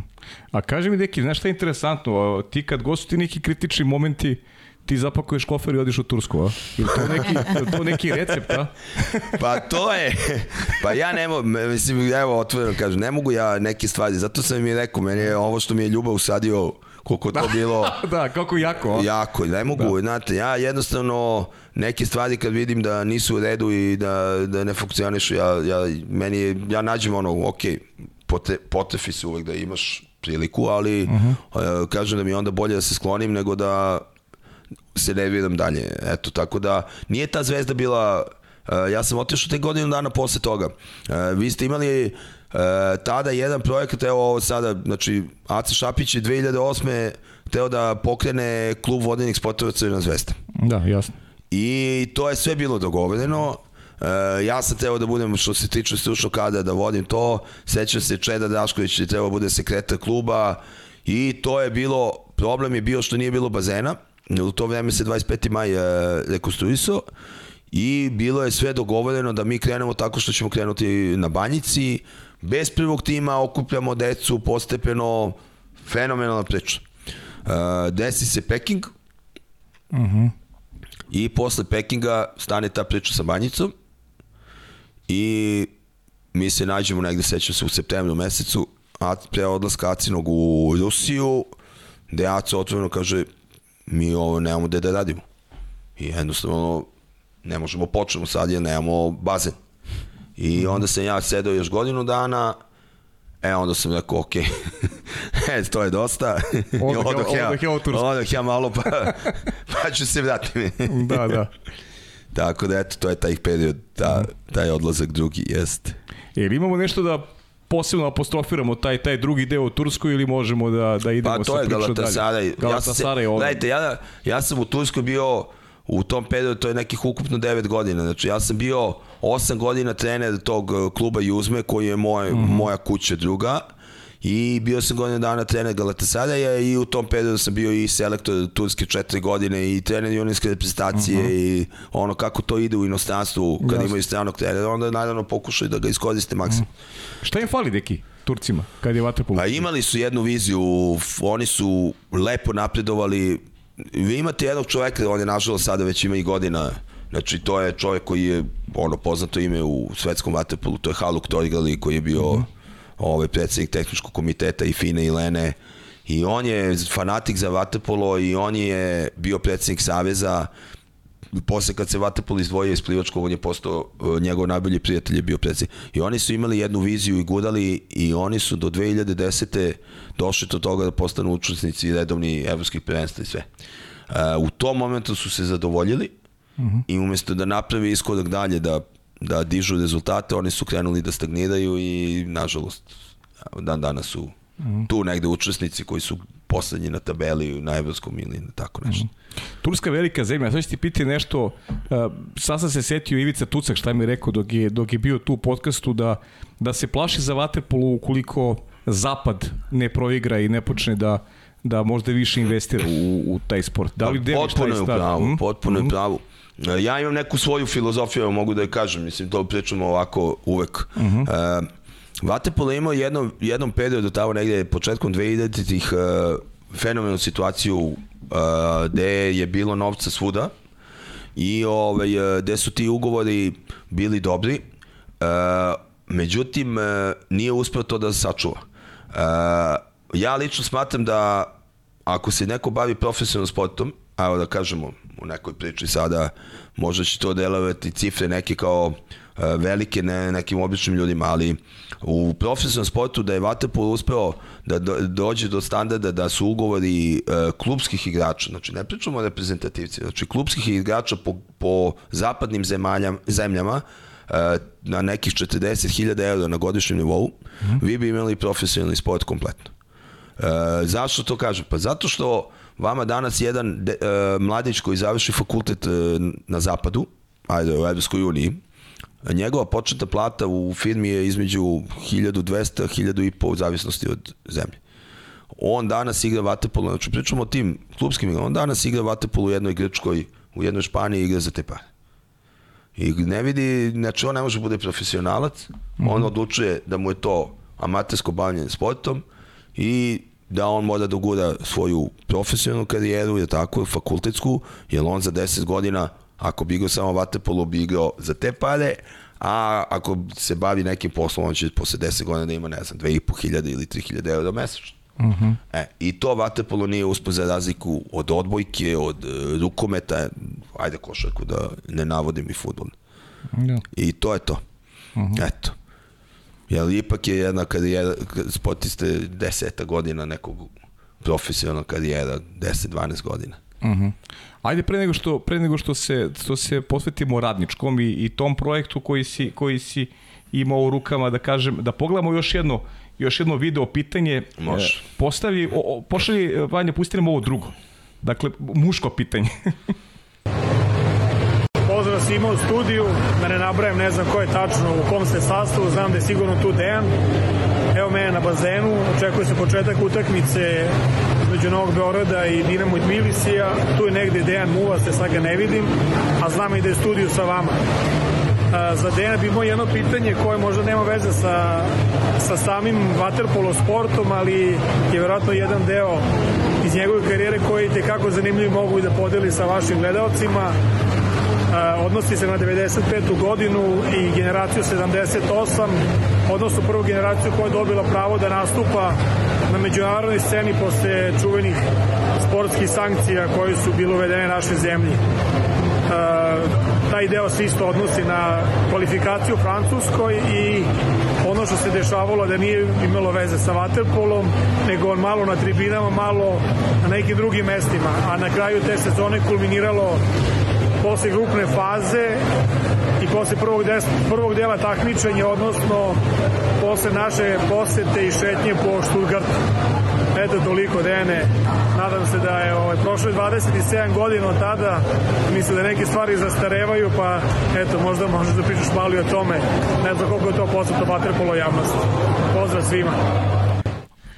Sor uvek ima prava pitanja. Pa ima, ima, da. ja, znači ta 95. pa to je ovaj, ja mislim da to totalno ludilo bilo.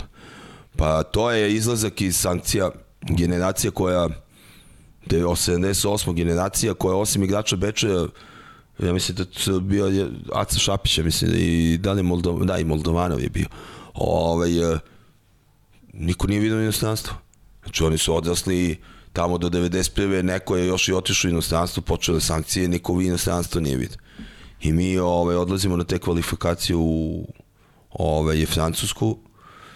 Pri tome, znate sami šta su bile sankcije nemaština, znači haos totalni, gde mi na kraju tih kvalifikacija koje smo prošli, saznajemo da su neke patike nestale na tribinama gde su se sve reprezentacije skidale ovo ono krene neko domunđavanje unutar ekipe i saznamo da su patike kod nas.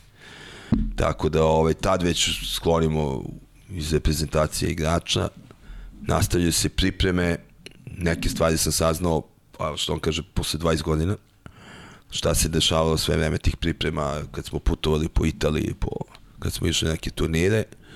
I ove, ovaj, to je kulminiralo bukvalno tom šetnjom u Stuttgartu koja je bila posle grupne faze gde smo mi osvojili prvo mesto u grupi i ovaj, gde smo imali jedno slobodno popodne i gde je bilo da idemo po Stuttgartu malo da prošetamo i da odemo u konzulat na prijem.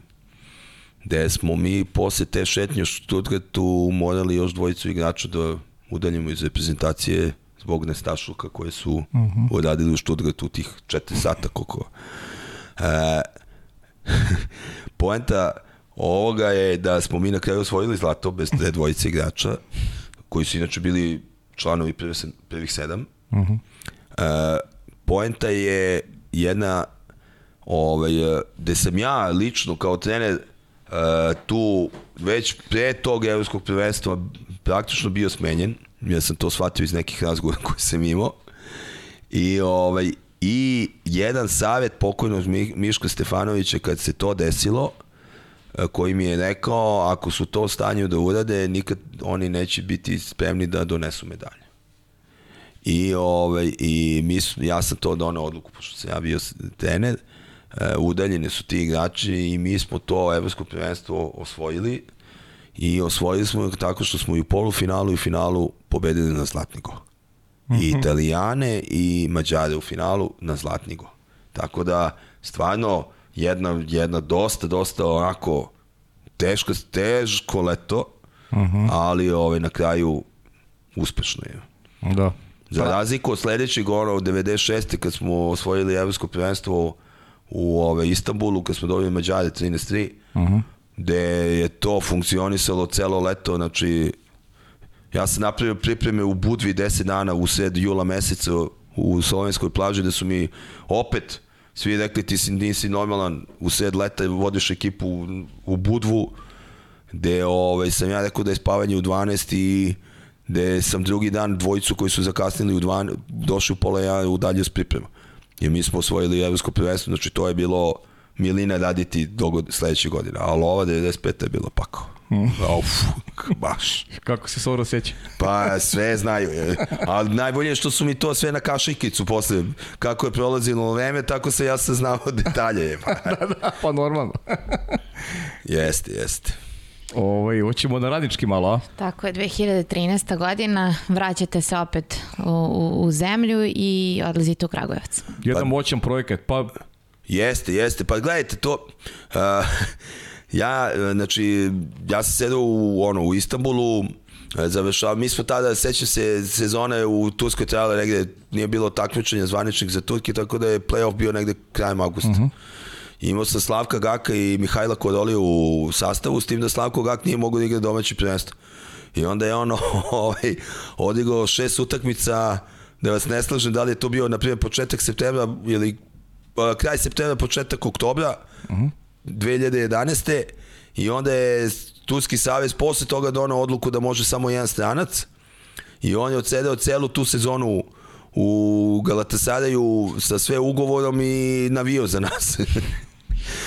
Elem, ovaj, tu počinje projekat radničkog gde, gde i Slavko Gak bio ozbiljno uključen uh, od samog početka i ovaj, seća se da je to počelo tako što se oni čuju tu je koga dovode od igrača u sve i ja stalno malo malo pitam Slavko dobro recite mi ko vam je trener u celoj toj priči mislim odlično gde vam je trener i ovaj, onda su se tu pominjala neka imena i uglavnom ovaj, na kraju posle olimpijade o, olimpijskih igara dolazi do ovaj, kontakta s Dejanom Udovičićem mm -hmm.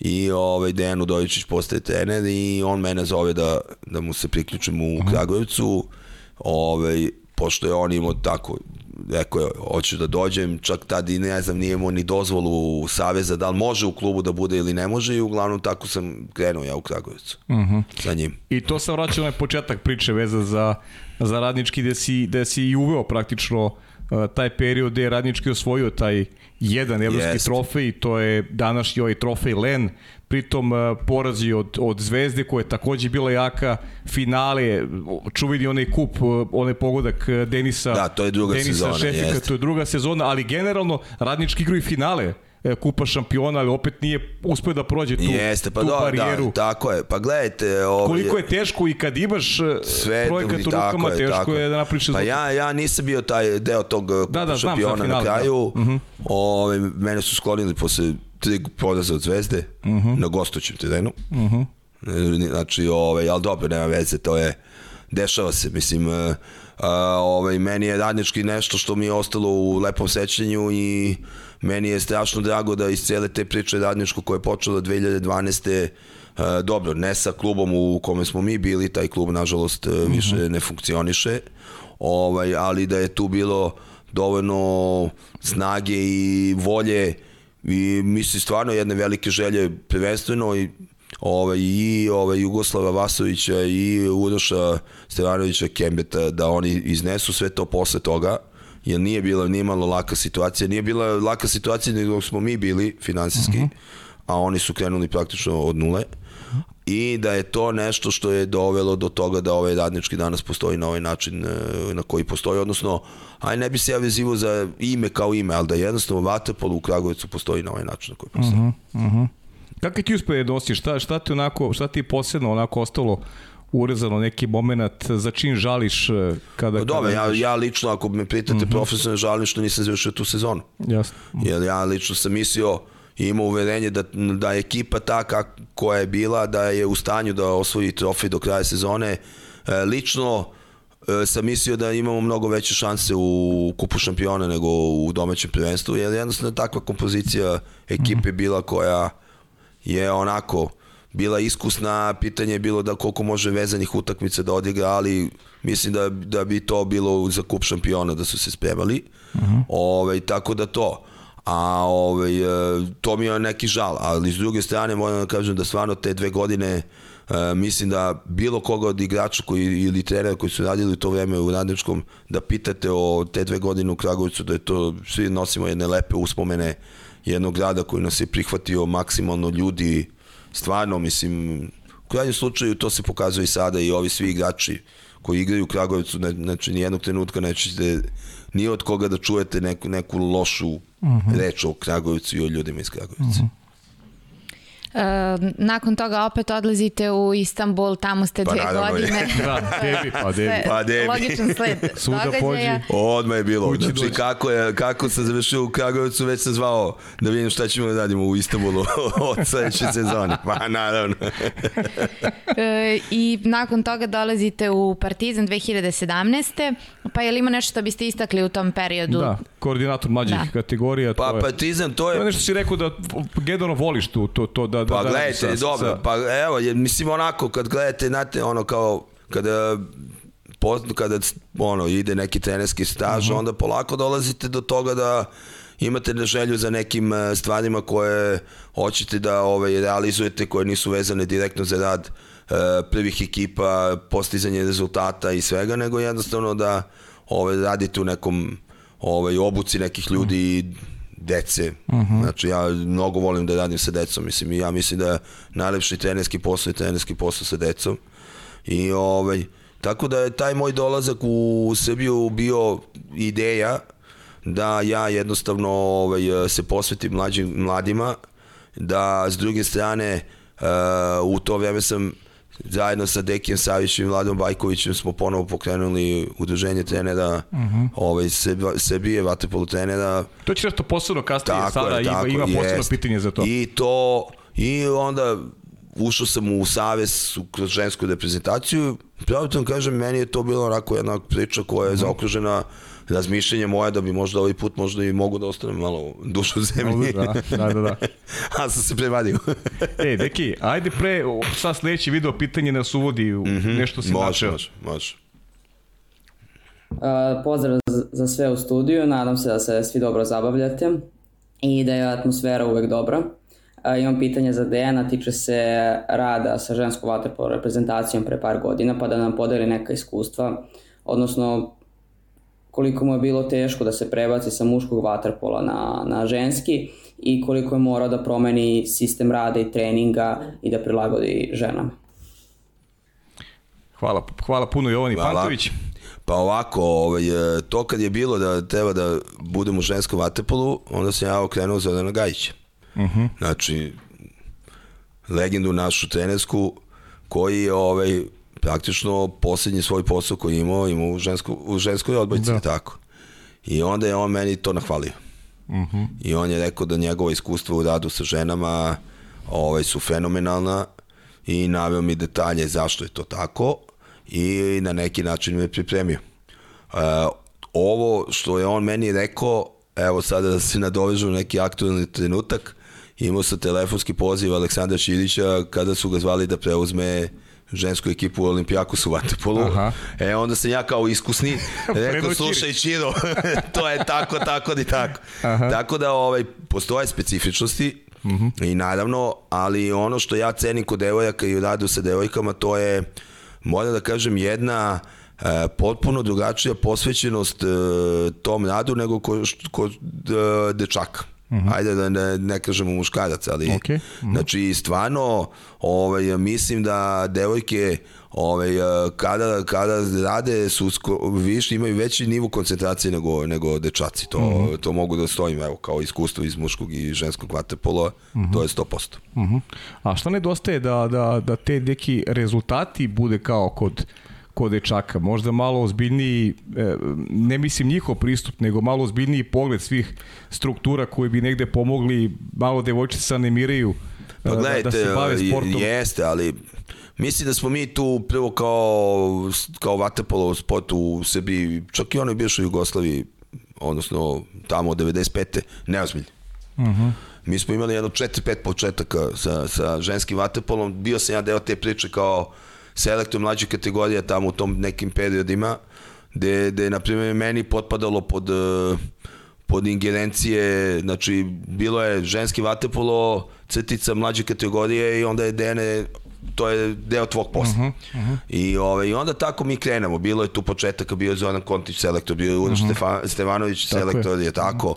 I Aca Kristonošić je bio ono uh -huh. 90-ih, krajem 90-ih, čak su imali i lepe rezultate.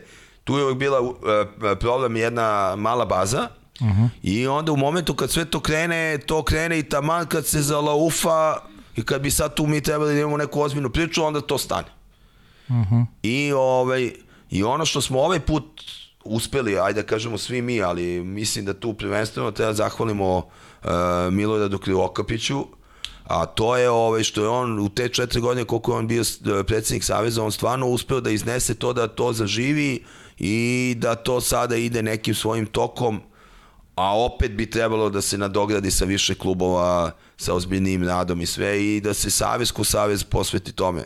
Uh, mi moramo da budemo svesni kao veliki Savez da je nama u budućnosti i u muškom i u ženskom vatepolu i da sve dok živimo samo od rezultata muškog vaterpola, da je to okej, okay, ali da možda će postojati periodi da kad bi imali rezultate u ženskom vaterpolu, bi nam bilo okay, potpuno isto, eno, vidite vaterpolu klub Vojvodina. Tako je, da. Na kraju prvu, prvi trofej u istoriji kluba nije donao muški vatepol, nego je donao ženski vatepol. Tako? A mnogo toga je donao muški klub. Kada pričamo o selekciji O selekciji, i... školi, svemu. Nikad, nikad trofej nisu uzeli i onda je mhm. došao mm ženski vatepolo i onda su shvatili i evo ih. Da, da. Dve godine pevaci, osvajači kupa, eto. Mm -hmm. Ćemo u Egipat, ta Saro? Tako je, 2018. do 2021. odlazite u Egipat. Pa Egipat lepa priča. Uh -huh. uh, prvenstveno lepa priča zato što sam ja lično, pa i u krajnjem slučaju moja, moja žena bili deo ovaj, uh, uh, jednog ogromnog sistema, to je najveće sportsko društvo u Africi, Al Ahli, uh, najpoznati su u futbolu, mada su dominantni, ne znam, i u košaci, najmanje su dominantni u vaterpolu, nažalost. Ovaj, uh, tu postoje još dva kluba koji imaju mnogo više trofeja, to su i Gizira i Heliopolis. Ali ja sam bio prvi strani trener koji je doveden kao ono što se kaže head coach u, u klub. Do tada su imali trenere mlađe kategorija, šefove mlađih, ali prvi kao i tri godine uh, osvojena dva trofeja, veliki rad i velika borba da im se promeni način razmišljanja, ne kod igrača, seniora to najmanje, ali u, unutar kluba, unutar e, način funkcionisanja, čak sam bio uključen e, dosta u ovaj, e, tela koje se bave svim ostalim sportovima, osim futbala.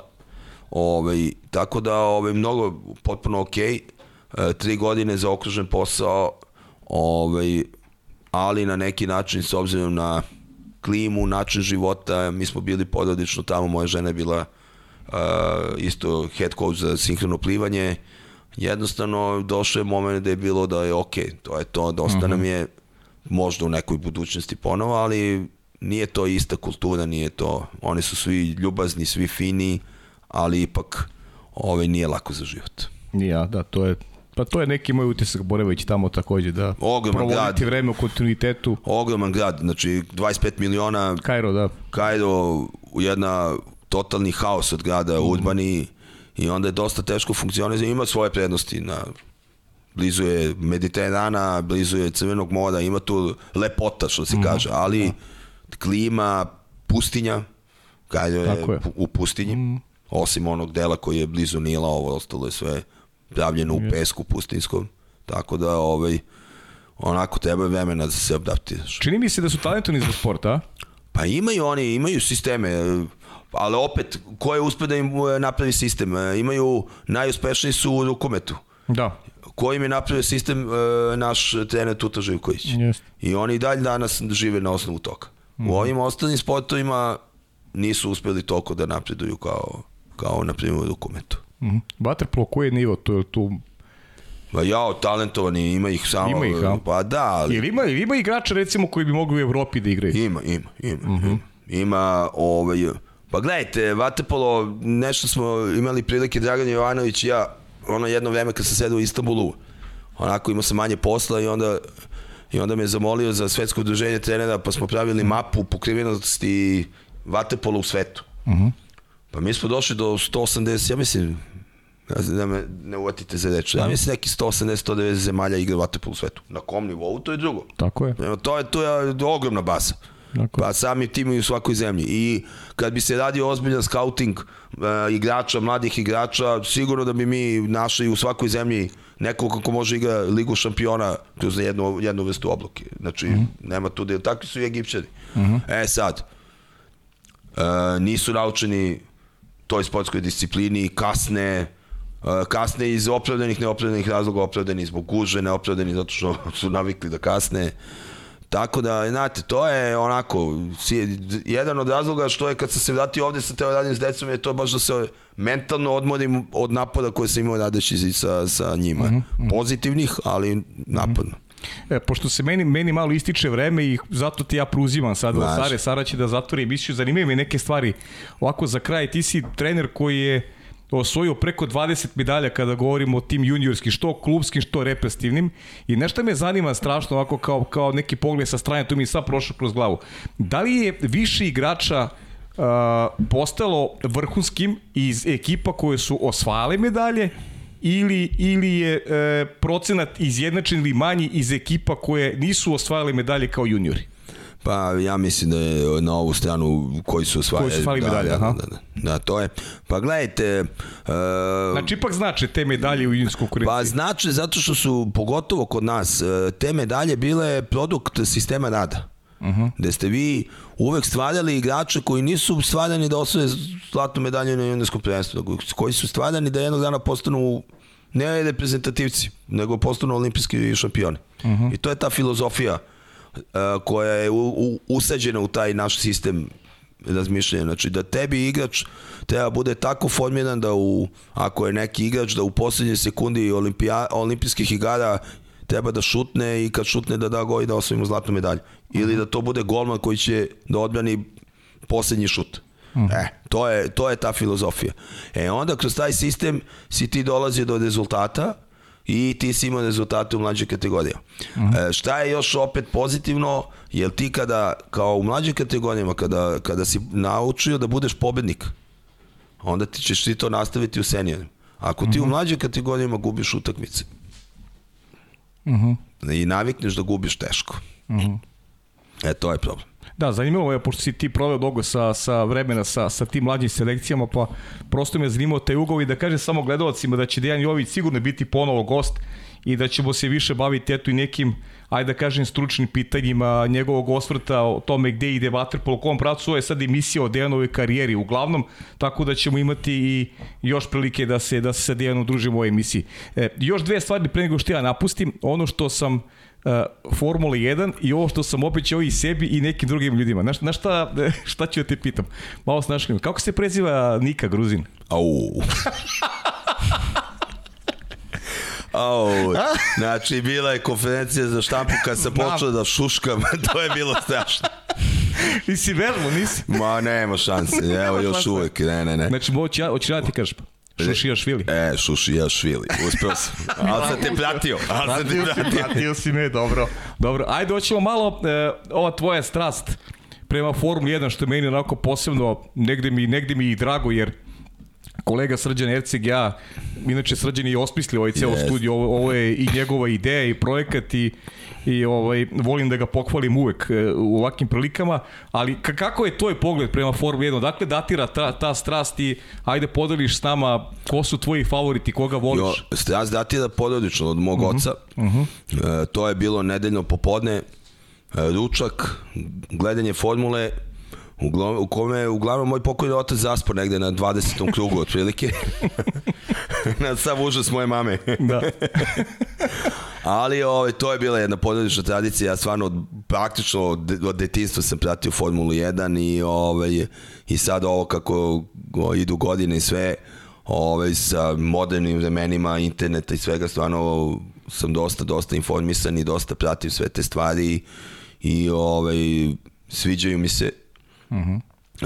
uh, sviđa mi se ova godina, konkretno poslednja sezona, što su uspeli da dovedu do toga da stvarno bude neizvesno. Bilo je pa monotornih sezona, ono, mm -hmm. da je mhm, Mercedes yes. bio dominantan. Pri tome sam ja fan Ferrarija, mm -hmm. koji nikako tu da se pojavi da. negde ozbiljno, a imaju najviše para, ali dobro, to je sad za neku drugu analizu. Okay. Ali, ovaj, uh, uh, ono što mi fali, fali mi ona, ona, ona što oni svi kažu, onaj zvuk formule. Znači da ovo, malo, malo struja, malo, malo gorivo, malo dodamo snagu, malo, mislim da bi trebali da se resetuju i vrate da, ipak vozači Znači, ja, meni je strašno da vama inženjer iz, iz ovog boksa reguliše koliko ima snage u motoru i koliko praktično može pritisneš e, pedalu gasa da bi... Oni su piloti, oni su pa, piloti. piloti, bukvalno, mm. da. Da, da. E, to mi im smeta. To, to je. Dobro, pratiš i sledeću sezonu. Sigurno, Čekamo. sigurno, počinjemo. Da, znaš, bit ćeš, bit ćeš gost podcasta Formula 1. Hvala, da hvala, hvala. Prihvataš poziv. Obavezno je, hvala, da uživam hvala, je. hvala, deki, puno. Ništa, ovaj, e, ja samo hoću ti se zahvalim e, što si bio naš gost, prepuštam te Sari, da podeliš sa njom Onda što si rekao i neke, neke anegdote, neke detalje, ima tu interesantnih pitanja i čekam te prvom sledećem prilikom i Hvala. naravno želim ti sve najbolje i kako privatno, tako i poslovno. Hvala puno. E, evo, baš bih se nadovezala apropo e, promena koje ste pomenuli u formuli i Waterpolo je e, doživeo neke promene. Koliko se Waterpolo razlikuje kada ste vi počeli i u tom trenerskom poslu i, i kao vaterpolista u bazenu u odnosu na danas i da li mislite da to ide nekom uzlaznom putanjom ili da su te neke promene možda i negativno uticale? Pa mislim da nisu negativno uticale i vaterpolo kao i svi sportovi ovaj, je išao u modernizaciju, odnosno ubrzanje i ako uzmete da, da smo imali ovaj, uh, period, ajde, ovo što kaže, kad sam ja u Waterpolu da je napad trajao, ne znam, 35 sekundi, igrač više trajao 30 sekundi, da, da je to smanjeno, da je to ubrzalo, da, da, si, da ste imali, e, ne znam, pravilo da kada lopta tri puta se baci centru, tri puta svira faul, da je onda isključenje. Znači, potpuno drugačija taktika je bila igra u odbrani. Ovaj, meni ovo sve deluje e, izuzet, meni lično dobro i mislim da je ovo neka dinamika koju dobija Vatepolo i kojim on postaje interesantniji za gledanje. Nama je najveći problem to definisanje ovaj, pravila i šta je šta. Je šta. Eto, jednostavno mi smo ne, sport koji je u vodi, pola se, ne pola, dve trećine tela ili tri četvrtine tela se ne vidi i to je kod nas veliki problem i mislim da ovaj e, što više budemo uspeli da to definišemo na što jednostavniji način ljudima da ćemo biti mnogo, mnogo interesantniji za ljude. I evo za kraj, pre nego što pređem na, na pitanja gledalaca, uh, koji deo vaše karijere bi možda izdvojili, uh, da li kao najuspešniji period ili kao možda period u kome ste se vi najbolje osjećali u tome što radite? Pa kao najuspešniji period moje karijere to je sigurno ova na, najbolje sam se osjećao jeste da sam bio mlada, to je 96. na 98. u Partizanu gde sam praktično ovaj, uh, uh, ono, zaokružio nešto što sam počeo da radim od neke 86. Eto. A, a ovo ostalo, iskreno da vam kažem, znači svi ovi periodi uh, sve sam radio, znači ja jedino što nisam bio ovaj, dobro, ako, kažu, ako idemo po nekim uh, pozicijama, uh, najveći žal mi je što nikad nisam vodio reprezentaciju juniorsku na svetskom prvenstvu, pošto su me uvek pred svetsko prvenstvo menjali u Savezu. Znači uvek sam vodio na evropskom i onda posle toga me smene. A, ajde, ne zbog rezultata, rezultati su bili ali zbog nekih drugih stvari. Tako da mi je to žal. A, a s druge strane, ovaj, uh, sam zadovoljan jer su to sve bili neki projekti koji su bili uspešni, da li je to bila juniorska reprezentacija, da li je bio klub, da li su bile mlađe. Ja ne, ne, bi, ne gledam puno i meni je svaki projekat projekat i da li ja radio ko što sam sad radio sa decom od 14 godina u Novom Beogradu, meni je to jedan projekat sa ciljem da u tome uspemo i da iz tog projekta izađu deca koja će biti bolji vaterpolisti posle mene. Naravno tu onda se pojavi neki rezultat, uvek želim da budemo najbolji, uvek želim da pobedim, želim pobedim kad igramo basket drugari kad ovaj kad igramo utorkom i četvrtkom, ali ovaj, eto, tako da to gledam, ali onaj period, ta 96. 98. je bilo neko za okruženje moje, moje neke karijere, u tom smislu one partizanove karijere. E, sada prelazimo na pitanja gledalaca. E, Sandi Mertelj, e, pozdrav u studiju iz Kranja, čestitke Dejanu za sve uspehe i van Srbije, bio je moj trener pa ga pamtim kao pravog vođu, a imali smo dobre rezultate. Prvo pitanje, šta bi promenio u svojoj trenerskoj karijeri? Pa, promenio bi u mojoj trenerskoj karijeri, znači ono što ne bi promenio to je ovaj, ovo što sam rekao, taj jedan e, stav da jednostavno kad vidim da neke stvari mi smetaju, a ne mogu da ih ispravim, ja ću se skloniti, znači neću biti deo tih stvari. a ovaj, e, s druge strane o, e, ono što mi je možda u nekoj celoj toj priči falilo, možda mi je falilo da u trenucima ovaj, kada sam trebao da seču neke stvari što se tiče, ne mislim u negativnom smislu, a da možda u nekim situacijama sam trebao da čak i više pritisnem igrača i da bi nam to možda donelo neke bolje rezultate. E, sledeće pitanje, tri najbolje igrača sada u svetu, a da nisu u Novom Beogradu. A da nisu u Novom Beogradu?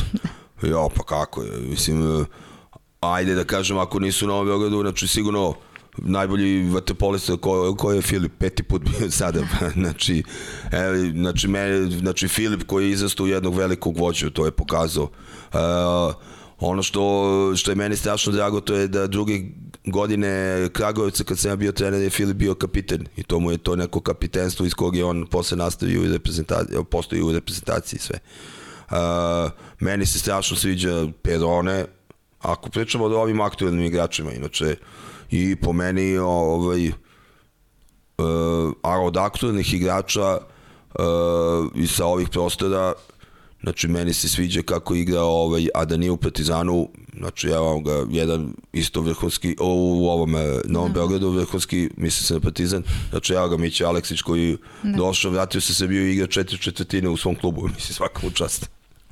E, a sad sledeće pitanje, tri najbolje igrača i trenera svih vremena. Pa sad, što kažu uvek nezahvalno, to je, ja cenim izuzetno Ratko Dudića, e, moram da kažem, znači, najuspešniji trener ovaj, još uvek nadam se da Deki Savić ima šanse da ga, da ga ovaj, stigne što se tiče olimpijskih e, e, zlatnih medalja. Ovaj, e, naravno Deki Savić, e, ovo što je on uradio je stvarno ovaj, e, vrhunsko i ono što, što ja isto uvek e, cenim, a ja cenim Dejana Udovičića, jer mislim da je Dejan E, taj koji je od 2006. praktično taj put i taj broj medalja koje on osvojio i zacet ovo što se sada dešava kod nas. E, šta bi preporučio igračima kada krenu u profesionalni vaterpolo? U profesionalni vaterpolo? Pa prvo da dok ne krenu u profesionalni vaterpolo, znači dok su deca, da moraju slušati trenere, znači da, da moraju postaju e, neverovatno ovaj, posvećeni vatepolo da upijaju svaku reč trenera koja će im omogućiti da uđu u profesionalni vatepolo. A kad uđu u profesionalni vatepolo da shvate da ovaj, tu nema ovaj, izvinjenja, znači nema uh, objašnjenja zašto nešto ne mogu, jer ako si ušao da se nečim baviš profesionalno, onda treba da daš sa, celog sebe da bi opravdao zašto si profesionalac i u krajnjem slučaju sama reč profesionalac znači da zarađuješ od toga i da bi opravdao zašto zarađuješ te pare. E, najteži trening koji si dao igračima? Jel bilo kažnjavanja? Bilo. Pa bilo je. Uf. Bilo je kako je. Evo, i sad su mi nešto baš strahinja mi spominjao neki trening da su plivali, ne znam, 7-8 km na jednom treningu. Uh, jedno su mi, sećam se, Turci plivali nekih dve, 200, ja mislim na kraju ispalo 256 puta 25 metara butterfly ruski. Ja, da, i to je bilo kažnjavanje gde su krenuli sa dve, dve, 2 puta 25 iz neke, zbog nečega što nisu radili, ali je trajao trening od 9 do 1. Je li ima ono da čujete da su izašli pa onda ujutro dođe na trening? Pa, pa nemam ja, ta, ja, to je ovo što ja vam kažem, taj neki direktan odnos, ovo što smo imali na početku ovog razgovora, E, kao neku moju karakteristiku u odnosima sa igračima. E, pazite, znači moraju da znaju šta mogu i šta ne mogu, to, to stoji. Svakome može da se desi i to stoji, ali ovaj, to kad ti se desi, ovaj, treba da si direktan i otvoren. Znači, može da se desi i da izađete, može da se desi da to jutro iz tog razloga nešto ne možemo da realizujemo što smo planirali, i ovaj, nećemo to jutro raditi, ali onda sledeći put morate date 120 ili 150% sebe, a pri tome i, i ne da mi dođete na trening ili na utakmicu i da to radite sa pola snage zato što ste nešto ovaj, zato što niste spremni. Prema tome bolje da mi kažete pa ćemo ako treba da neki drugi put uradimo nego da, da čutite, a da ne radite kako treba. E, sad prelazim na, na pitanje naše Aleksandre. E, izjavio je da ukoliko vratimo trenere i obezbedimo im dobre uslove, možemo da očekujemo nastavak stvaranja igrača kakve danas imamo. Da li smo po njegovom mišljenju svesni ovog problema i koliko daleko sežne posledice nosi? Pa mislim da polako postajemo svesni. E, e, vidim, odnosno ovo što pratim i što se prati iz inostranstva, vidim da je Dejan Savić stvarno u svim svojim nastupima u, vreme e, najvećih ovih e, momentu najvećih rezultata u svim svojim intervjuima potencijalo pitanje obuke trenerskog kadra i vraćanje trenera i ovaj i mislim da je to stvarno nešto što što je prioritet e, srpskog vaterpola.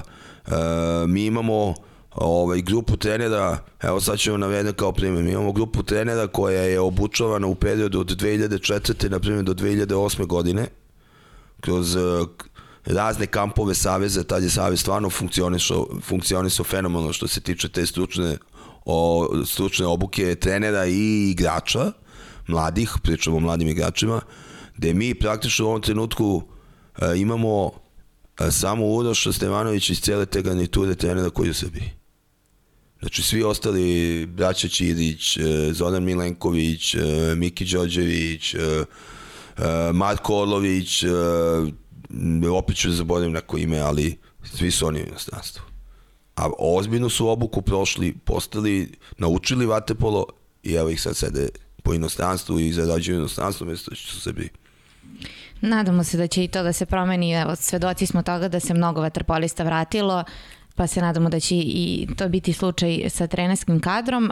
Apropo toga, isto pitanje da Aleksandre, e, posebno je bio zadovoljan pilot projektom za školu Waterpola. Svaki trener je dobio opis individualnih vežbi u elektronskoj formi sa linkovima za video.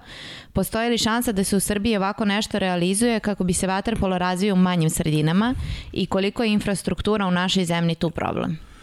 Pa da, ona, ona navodi to što sam rekao u ovom eh, Ahliju što, smo, što sam imao taj projekat eh, koji, koji smo realizovali. Um, gledajte, to je, ja koliko znam, da, da Vatepolo, odnosno da Dejan Savić kroz Vatepolo Savez u saradnji sa, sa ovim klubovima pokušava da realizuje projekat baš toga da jednostavno ovaj, e, se sve to unificira. Znate šta je bitno? Bitno je da mi uvek imamo strategiju šta hoćemo da deca znaju. I da, da, da, da postoje uh, osnove u obuci, uh, u klubskoj obuci dece koje su jedinstvena za sve klubove, a da je pri tome u nekom delu svaki klub ima neku svoju samostalnost i neki svoj pečat svakom igraču koga stvori. Uh, Ovaj, ali da imamo da znamo šta su nam ono osnovne stvari koje svi koje pratimo da bi to mogli da imamo kroz reprezentativne selekcije u krajnjem slučaju kroz reprezentativ, eh, kroz reprezentaciju.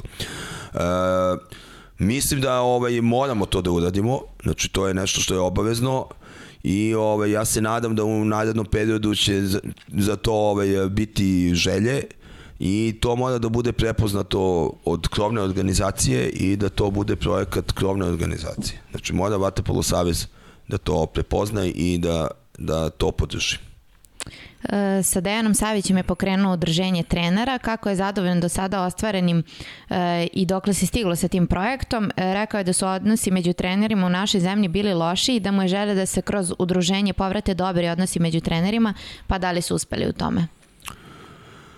Ja sam trener, ono, hajde da kažemo, sad već stare ga, uh, ja ću navesti jedan primer, pa sada nek se prepoznaju svi, ovaj, uh, uh, treneri, na primer, prvenstvo Jugoslavije, ajde kažemo, 87. za mlađe kategorije pričam, u Splitu, sve ekipe su smeštene u istom hotelu, uh, treneri sednu za večeru, Sloba Vičević, Nikola Stamenić, ne znam, Bruno Silić, e, da ne napravim sada imena svi koji su bili u mlađim kategorijama u tom momentu, na primjer na tom turniru, i tri noći sede zajedno, e, spremaju im neku, neku, neku klopu koju oni naruče, pijuckaju neko vino i pričaju vatapolu. Evo, ja ću sad direktno da pitam mlađe generacije trenera da li to ima kod njih. Evo, znači, ta, eto, to je nešto što je, i to moramo da shvatimo da smo mi struka, da mi možemo da ovaj, e, različito mislimo, ali da jednostavno odnosi moraju da budu profesionalni i da moramo da cenimo svaku kolegu koji je pored nas. Znači da ni jednog trenutka ne sme ni jedna loša reč o kolegi da izađe iz ničih usta. E, izjavio je jednom prilikom, volao bih da se jednog dana vratim u Partizan na stranu trenutni angažman, da li je to još uvek velika želja? Pa sigurno da vam kažem, ja sam dete Partizana i svaki moj povratak u, ovaj, u Partizan je jedna sasvim normalna stvar. E, naravno da bi voleo jednog dana da se vratim po Partizan, da će se to realizovati, evo ovaj put se nije realizovalo kad sam se vratio u zemlju, ovaj, da će se realizovati nekada u budućnosti, e, s moje strane uvek postoji želja, sada zavisi od toga ko je u Partizanu, ko vodi klub i da li oni prepoznaju, da li mi ja kao trener i kao Dejan Jović trebam ili ne trebam u trenutku dok se iščekivalo da Savez konačno potpiše ugovor i nastavi saradnju sa Dejanom Savićem i nakon Tokija rekao je srpski vaterpolo nema pravo da izgubi Dejana Savića. Po njegovom mišljenju dali smo svesti vrednosti i značaja Savića, poznaje Savića i sarađivao je sa njim. Kako bi ga opisao i u čemu je tajna njegovog uspeha?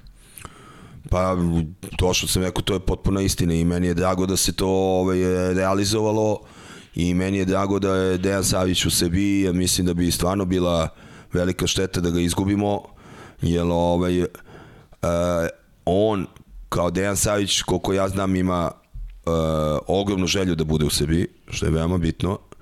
Ovaj, s druge strane, uh, to znanje koje on sad već ima i ovaj, ta, taj ovaj, karakter koji on ima je nešto što ovaj, svima nama prija i to je jedan pozitivan, pozitivna osoba i jedan pozitivan karakter koji ovaj, eh, onda samim tim eh, ne dozvoljava da tu pulo dolazi do nekih negativnosti i nervoza i svega. Prema tome, naravno da, da ovaj, treba, uh, ima ogromnu energiju, nekad se bori sa vetrenjačama, evo moram da vam kažem, i ovaj, meni je žao zbog toga, i mislim da bi tu svi mi, pogotovo iz struke, trebali u nekim situacijama da mu damo još veću podršku i da ovaj, eh, on jednostavno bude u ovom trenutku motor uh, srpskog vaterpola, a samim tim i cele naše struke trenerske.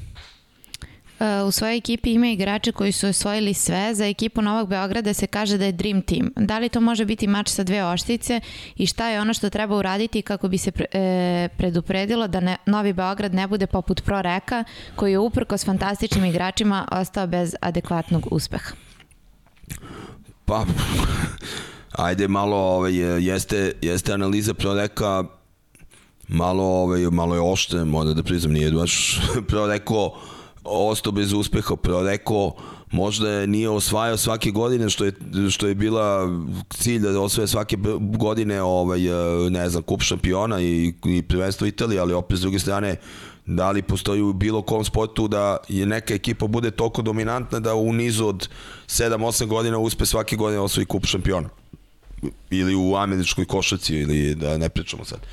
Tako da ovaj, e, ne bi ja to prvo ne bi daleko, daleko od toga Znači da, iako je prvo rekao Dream Team da pričamo o tome da je to nešto neuspešno. Daj Bože da smo svi kao prvo rekao, otvoreno kažem ja. A s druge strane, Novi Beograd, pa jeste sastav koji je napravljen, je sastav u kome ima vrhunskih igrača, osvojili su sve. To je nov sastav je. To je mhm. sastav koji je sada na okupu nekih šest meseci ili 7 meseci. E, mi o, po meni o Novom Beogradu, ako hoćemo da pričamo na jedan ozbiljan način i, ovaj, i kao ekipi i kao klubu, ja mislim da moramo da damo jedno, dve godine ovaj, grace perioda, da vidimo kako se sve to razvija, pa da onda pričamo da li je to nešto što je uspešno ili nije. A nažalost mi u Srbiji imamo taj moment da veoma brzo krenemo da ocenjujemo nešto da valja ili ne valja. Prema tome, po tome smo poznati u krajnjem slučaju, tako da ovaj, ajde da, da vidimo kako se to razvija i, ovaj, i bit će tu i de, ima tu i dečjih bolesti i svega, to je sasvim normalno. E, po čemu se razlikuje rad sa mlađim kategorijama u Partizanu i u drugim klubovima? I definitivno stalno se priča o toj Partizanovoj vaterpolo školi, pa bi možda bilo lepo da se vi kao neko ko je eto, prošao više tih uh, vaterpolo mlađih kategorija pre svega, da se osvrnete na to. Pa razlika je u, u znate, stano kad govore ima neki sistem. Ovaj, pa dobro, taj sistem sigurno nije sistem koji je postojao kad je uspostavljen sistem u Partizanu i tu ima dosta različitosti, ali a, ja bih pre govorio o jednoj filozofiji, da vi kada uđete kao dete u Partizan ili kad uđe neki trener kao po, početni, ili nemoj da bude početnik, može bude i neki iskusni trener u Partizan, vi imate tu jednu filozofiju o tome da je to ovaj, klub koji, koji treba da stvori vrhunskog igrača. Uh, onoga, evo ovo što sam napominjao ranije kad ste mi oko tih mlađih selekcija i medalja, uh, e to je ta filozofija, znači dete ulazi u klub da bi mi od njega napravili budućeg olimpijskog šampiona. I to je ono što smo mi svi učili koji smo radili u Partizanu da se postavimo tako i ni jednog trenutka nije bio imperativ u Partizanu kao klubu nije bio imperativ rezultata u mlađim kategorijama. Rezultat u mlađim kategorijama je mogao da dođe samo kao rezultat e, individualnog rada sa igračima njihovog napretka na osnovu kojih je ta ekipa od tih 13 igrača s kojim se radilo individualno napravila rezultat. E, i to se zadržalo. I to je i dalje filozofija i zato jeste Partizan što se kaže motor ovaj, srpskog vaterpola i treba da bude u budućnosti, a svi ostali klubovi treba da imaju tu viziju i da naprave svoj sistem koji bi isto tako dao te rezultate. Znači, ne treba da budemo sa jednim motorom, treba da imamo ipak dva, tri motora da nas gledaju. Bila je Vojvodina, dugi niz godina, veliki broj reprezentativaca. Ja se nadam, evo sad ovih dve godine su počeli da se stabilizuju. Ja se nadam da će Vojvodina za dve, tri godine ponovo početi da ima tu filozofiju koju je imala pre 7, 8, 10 godina ili kad su već se pojavili Rađen, Pjetlović i Bane Mitrović, Čuk, ajde stariji pa mlađi pa kako je to već išlo. E, kako vidi budućnost reprezentacije i da otkrije da li će dolaziti do novih pojačanja u Novom Beogradu? Pa što se tiče rezultata reprezentacije, pa gledajte, da li, da li ovaj, da budemo E, potpuno je nerealni da kažemo da ćemo mi da treba da nastavimo ovaj niz e, koji, koji se sada pa mislim to bi bilo fenomenalno. Da li može da se desi da nemamo medalju na, na velikom takmičenju? Pa možda može. Ali to ne znači da je, da je Vatapol u sebi u narednom periodu u nekoj situaciji da je sad kao ovaj, nešto se loše dešava. Ne, znači mi smo toliko bili dominantni u prethodnom periodu da stvarno opet ista priča, pa da li ima neki, neka reprezentacija u nekom timskom sportu koja je bila toliko dominantna? Prema tome možemo da očekujemo ponekad da se desi nešto, pogotovo u situacijama kada formiramo reprezentaciju. E, ne treba da zaboravite da je ova reprezentacija e, praktično u, u funkciji sa nekim izmenama od 2009. bila. To je 12 godina da neki igrači su odigrali je tako od 2009. nosioci igre. Znači, pojavio se novi igrači, treba im dodati sad novi igrači. Prema tome, može da se desi da ne osvojimo prvo mesto na nekom takmičenju, pa dobro, pa šta. A što se tiče ovog Novog Beograda i pojačanja, uh, prvo ja sam samo već, evo, skupio sam dve nedelje kao trener prve ekipe, ovaj, tako da ovaj, to pitanje uopšte nije trenutno pitanje za, ono, za mene, mi, ja se sada trenutno bavim samo ovim aktuelnim takmičenjem. Do pre 15 dana sam se bavio analizom pokreta kod dece u vodi i snimanjem klipova koji su nam trebali da budu da, da služe za edukaciju trenera. Tako da ovaj, a, a, ja lično mislim da u, kao jedan ozbiljan klub uvek na kraju sezone ili pred kraj sezone se rade analize ekipe i ako postoji mogućnost da se ta ekipa napravi za, za promil bolje nego što je bila prethodne sezone, sigurno da u ozbiljnim analizama će se doći do nekih zaključaka pa doneti odluka da li treba nekog dovesti i taj koji je, se dovodi, koji je taj i za koje, zašto treba i sve. Znači to je nije ad hoc uh, rešenje. E, pitanje je Leno 7. Zašto ga deca zovu Deki BMW? Pa dobro, to su sad... Uh, to je ta grupa igrača koju sam ja trenirao u Partizanu ovaj, 2017. odnosno 18. ne 17. 18. To je generacija 2002. I oni su mi dali taj nadimak, pravo da kažem, morate njih da pitate. Znači, oni imaju to između sebe, došlo je to do mene, Ali, o, pa gledajte, pa to, kad bi sada nabrali koje smo sve nadimke mi treneri imali od strane igrača ili ekipa, grupa koje smo trenirali ovu, pa ima ih stotine. E, da li mu je Đorđe Pejičić omiljeni direktor kojeg je imao tokom svoje karijere? Pa Đole Pejičić je ovaj, moj trenutni direktor, tako. A o, inače, ovaj, Đole Pejičić i ja imamo jednu saradnju koja traje još od njegovih igračkih, znači praktično kroz juniorsku reprezentaciju Istanbul 96. Partizan e, do, 90, do 99. Uh, e, Turska u dva navrata, znači stvarno jedno, jedan odnos koji je iz onog e, profesionalnog odnosa prerasta u jedan stvarno prijateljski odnos da znate vi znate kako kada živite u inostranstvu i kada ovaj kada dovodite strane igrače onda ih vi između ostalog dovodite da bi oni imali veliki utjecaj na ekipu. E, ja lično sam uvek zbog toga preferirao da imam naše igrače jer smatram da su naši igrači ti koji stvarno kada dođu u neki klub daju svoj maksimum svaki put u neki strani klub.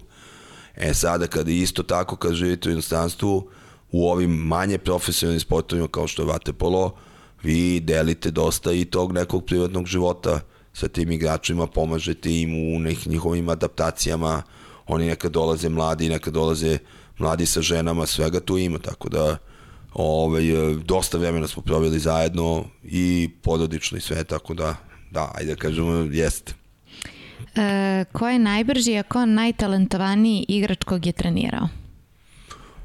Ma po meni najbrži je bio Čirić, nema, nema, da, mislim, a, to je isto jedna interesantna priča ovaj, vezana za te brze igrače koji plivaju na primjer za loptu. I onda oni dođu neke godine i onda koliko god oni bili brži od nekog koji je još u ekipi, onda u nekom momentu oni dođu i kažu, ma neću ja više da plivam za loptu. Nije više moje vreme da plivam. Jesam ja najbrži, ali nije više moje vreme. Tako da, eto, ovaj, Čirić, a od tale, pa ja, bilo je puno tale. Mislim, stvarno ne bih volio da, da. da izdvojam nekog, ali uh, ja bih prije rekao da da ovi igrači s kojima sam ja radio i, i koji su postali naši poznati igrači, da ono što je njih sve krasilo, pored tog nekog talenta, to je stvarno jedan ogroman rat. Znači, neverovatno. Znači, to je ostajanje na treningu. Evo, ja sam imao prilike ko mlad trener da, da, da po, ono, početnik, pa Igor Milanović je ostao posle treninga, na primjer, po pola sata, 45 minuta, radio noge, Šoštar u ono vreme isto da, da, da kažem. E, poznato je koliko je Aca Šapić e, radio individualno, dolazio u teretanu ako je sa, klub, sa timom prepodne, on će doći popodne. Svako ima neku svoju specifičnost i stvarno su ti, pogotovo vrhunski igrači, pa ne bi bili to da nisu ta priča kao talentovana na osnovu samo talenta, kakvi, pa ti, pa to, kakvi. Pa rade, radili su ko ludije. I imamo još jedno pitanje o Total Waterpola koje je na engleskom, ali ja ću ga prevesti pošto još uvijek, nažalost, ne ovo podcaste i prevode na engleskom. E, kako se nosite sa pritiskom s obzirom da ste na čelu jednog Dream tima? Pa to su me pitali već, e, nemam ja pritisak, e, otvoreno kažem, mislim, prvo nije mi prvi put, pošto sam vodio već radnički koji isto bio skup jednih ozbiljnih vrhunskih igrača reprezentativaca, e, zato što ja kada ulazim u ovo, pa sad i ovo što sam ušao kad sam, kad, kad sam pristao da uđem, ja ulazim u ovo kao jednu viziju jednog projekta koji, koji ima neki svoj krajnji cilj. I ja sam posvećen tom projektu i ovaj, ne vidim zašto bi imao pritisak. Uh, taj projekat može da uspe i ne mora da uspe. Uh, to ćemo ocenjivati u nekom određenom momentu, da li je to na kraju sezone, da li je ovaj, sledeće godine nebitno i ovaj, onda ćemo na, na osnovu toga da, da zaključimo ovaj, eh, da li smo uspeli i ne uspeli. A da pritisak u pozitivnom smislu postoji, da. Znači, teret vas da radite. Ali ja mislim da trener koji uh, se bavi ovim, prvo, naravno, moraš da voliš ovaj svoj posao, ali ako si stvarno posvećen tome, uh, mislim da ti je isti pritisak da li uh, radio sa vrhunskom ekipom, da li radio sa ekipom koja nije obučena, pošto ta ekipa koja nije obučena zahtjeva mnogo više rade nego vrhunska ekipa. A, da li radio s decom? Pa i, i te, de, tu decu, pa te naše vrhunske igrače neko treba sa 14 godina nauči nekim stvarima. Pa i to je pritisak. Da.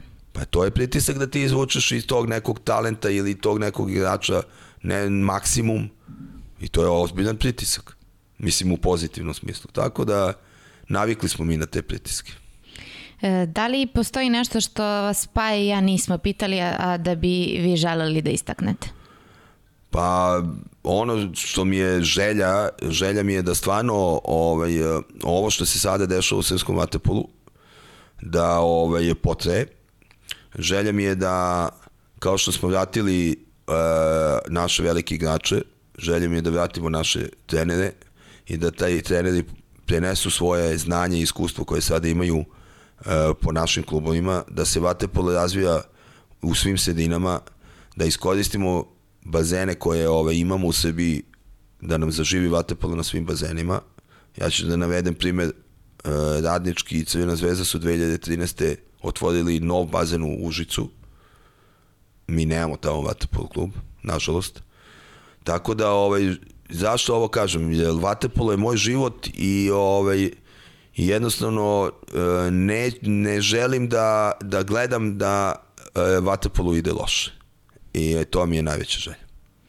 E, na kraju uvek ostavimo porodicu. Koliko vam je porodica bila podrška e, kada ste počinjali? Koliko vam je sada? Imate tri čerke? Dve. Dve? Dve. Da li su one u sportu ili su na neke druge strane? Pa ovako, porodica, prvo moja porodica, znači roditelji moji, ovaj, ja sam imao godinu dana kad sam počinio kao trener u Partizanu, svakodnevne razgovore za ručkom o tome da ja treba da studiram saobraćaj fakulteta da mi vatepolo bude hobi. A roditelji kao e, I ovaj moment kada e, sam osvojio prvo prvenstvo, to sa 20 godina, je u stvari prva utakmica na kojoj su i moj otac i moja majka došli da gledaju mene kao trenera. I kad sam osvojio prvenstvo, sećam se, to mi je ostalo urezano, pošto je Bata Orlić bio sa mnom to celo leto i mi smo to prvenstvo osvojili, on mi je sedao na klupi da, da mi da podršku kao mentor, da kažemo. E, onda je on prišao mojim roditeljima i rekao im čestitam za vašeg sina. Znači, i tu je negde počela ta moja karijera gde su oni rekli, ok, on treba bude vatepol. I dobio sam punu podršku. S druge strane, u, u ovom sada periodu uh, moja žena je trener sinhronog plivanja, učesnica olimpijskih igara 92. Marija Senica Jovović, uh, trener uh, isto naš vrhunski trener, prema tome tu postoji ta maksimalna podrška. E, moja starija čerka Jovana je sinhrona plivačica, bivša sadašnji trener sinhronog plivanja, tako da sam došao sada u situaciju zadnjih godinu dana da razmenjujemo ovako stručne analize oko, oko sporta i, i trenažnih procesa sa njom, a imamo četkicu koja je Mija, koja je 8 godina, tako da ona tek počinje u sportu i ajde da ga tu imam podršku više kroz jednu ljubav koju osjećam od nje i ne, ne, neku ono, iskrenu dečiju ljubav. Znači jedna e, velika lepa sportska porodica pa, sportska, i svi ste u bazenu. Jest, jest, svi smo vodeni, što se kaže. Tako da. je. E, ništa, meni samo ostaje da vam se zahvalim na ovom razgovoru, da vam poželim puno uspeha u nastavku sezone, da se nadam da ćete ostati ovde, da nećete ići u Istanbul opet i da ćemo se videti i ovde na istom ovom mestu, pričat ćemo i na druge teme, bit će i Pavle naravno tu. I to je to. Nadam se da ste uživali ova dva sata razgovora. Pa sigurno, sigurno. Ja, znači, o Vatapolu možemo pričamo po ceo dan. E, ništa meni samo ostaje e, da se zahvalim svima vama koji ste gledali još jednu emisiju našeg i vašeg omiljenog podcasta. E, što se tiče sledećeg gosta, bit ćete obavešteni putem naših Instagram profila, imaćete priliku da postavite e, pitanja kao i do sada, a do sledećeg e, četvrtka srdačan pozdrav.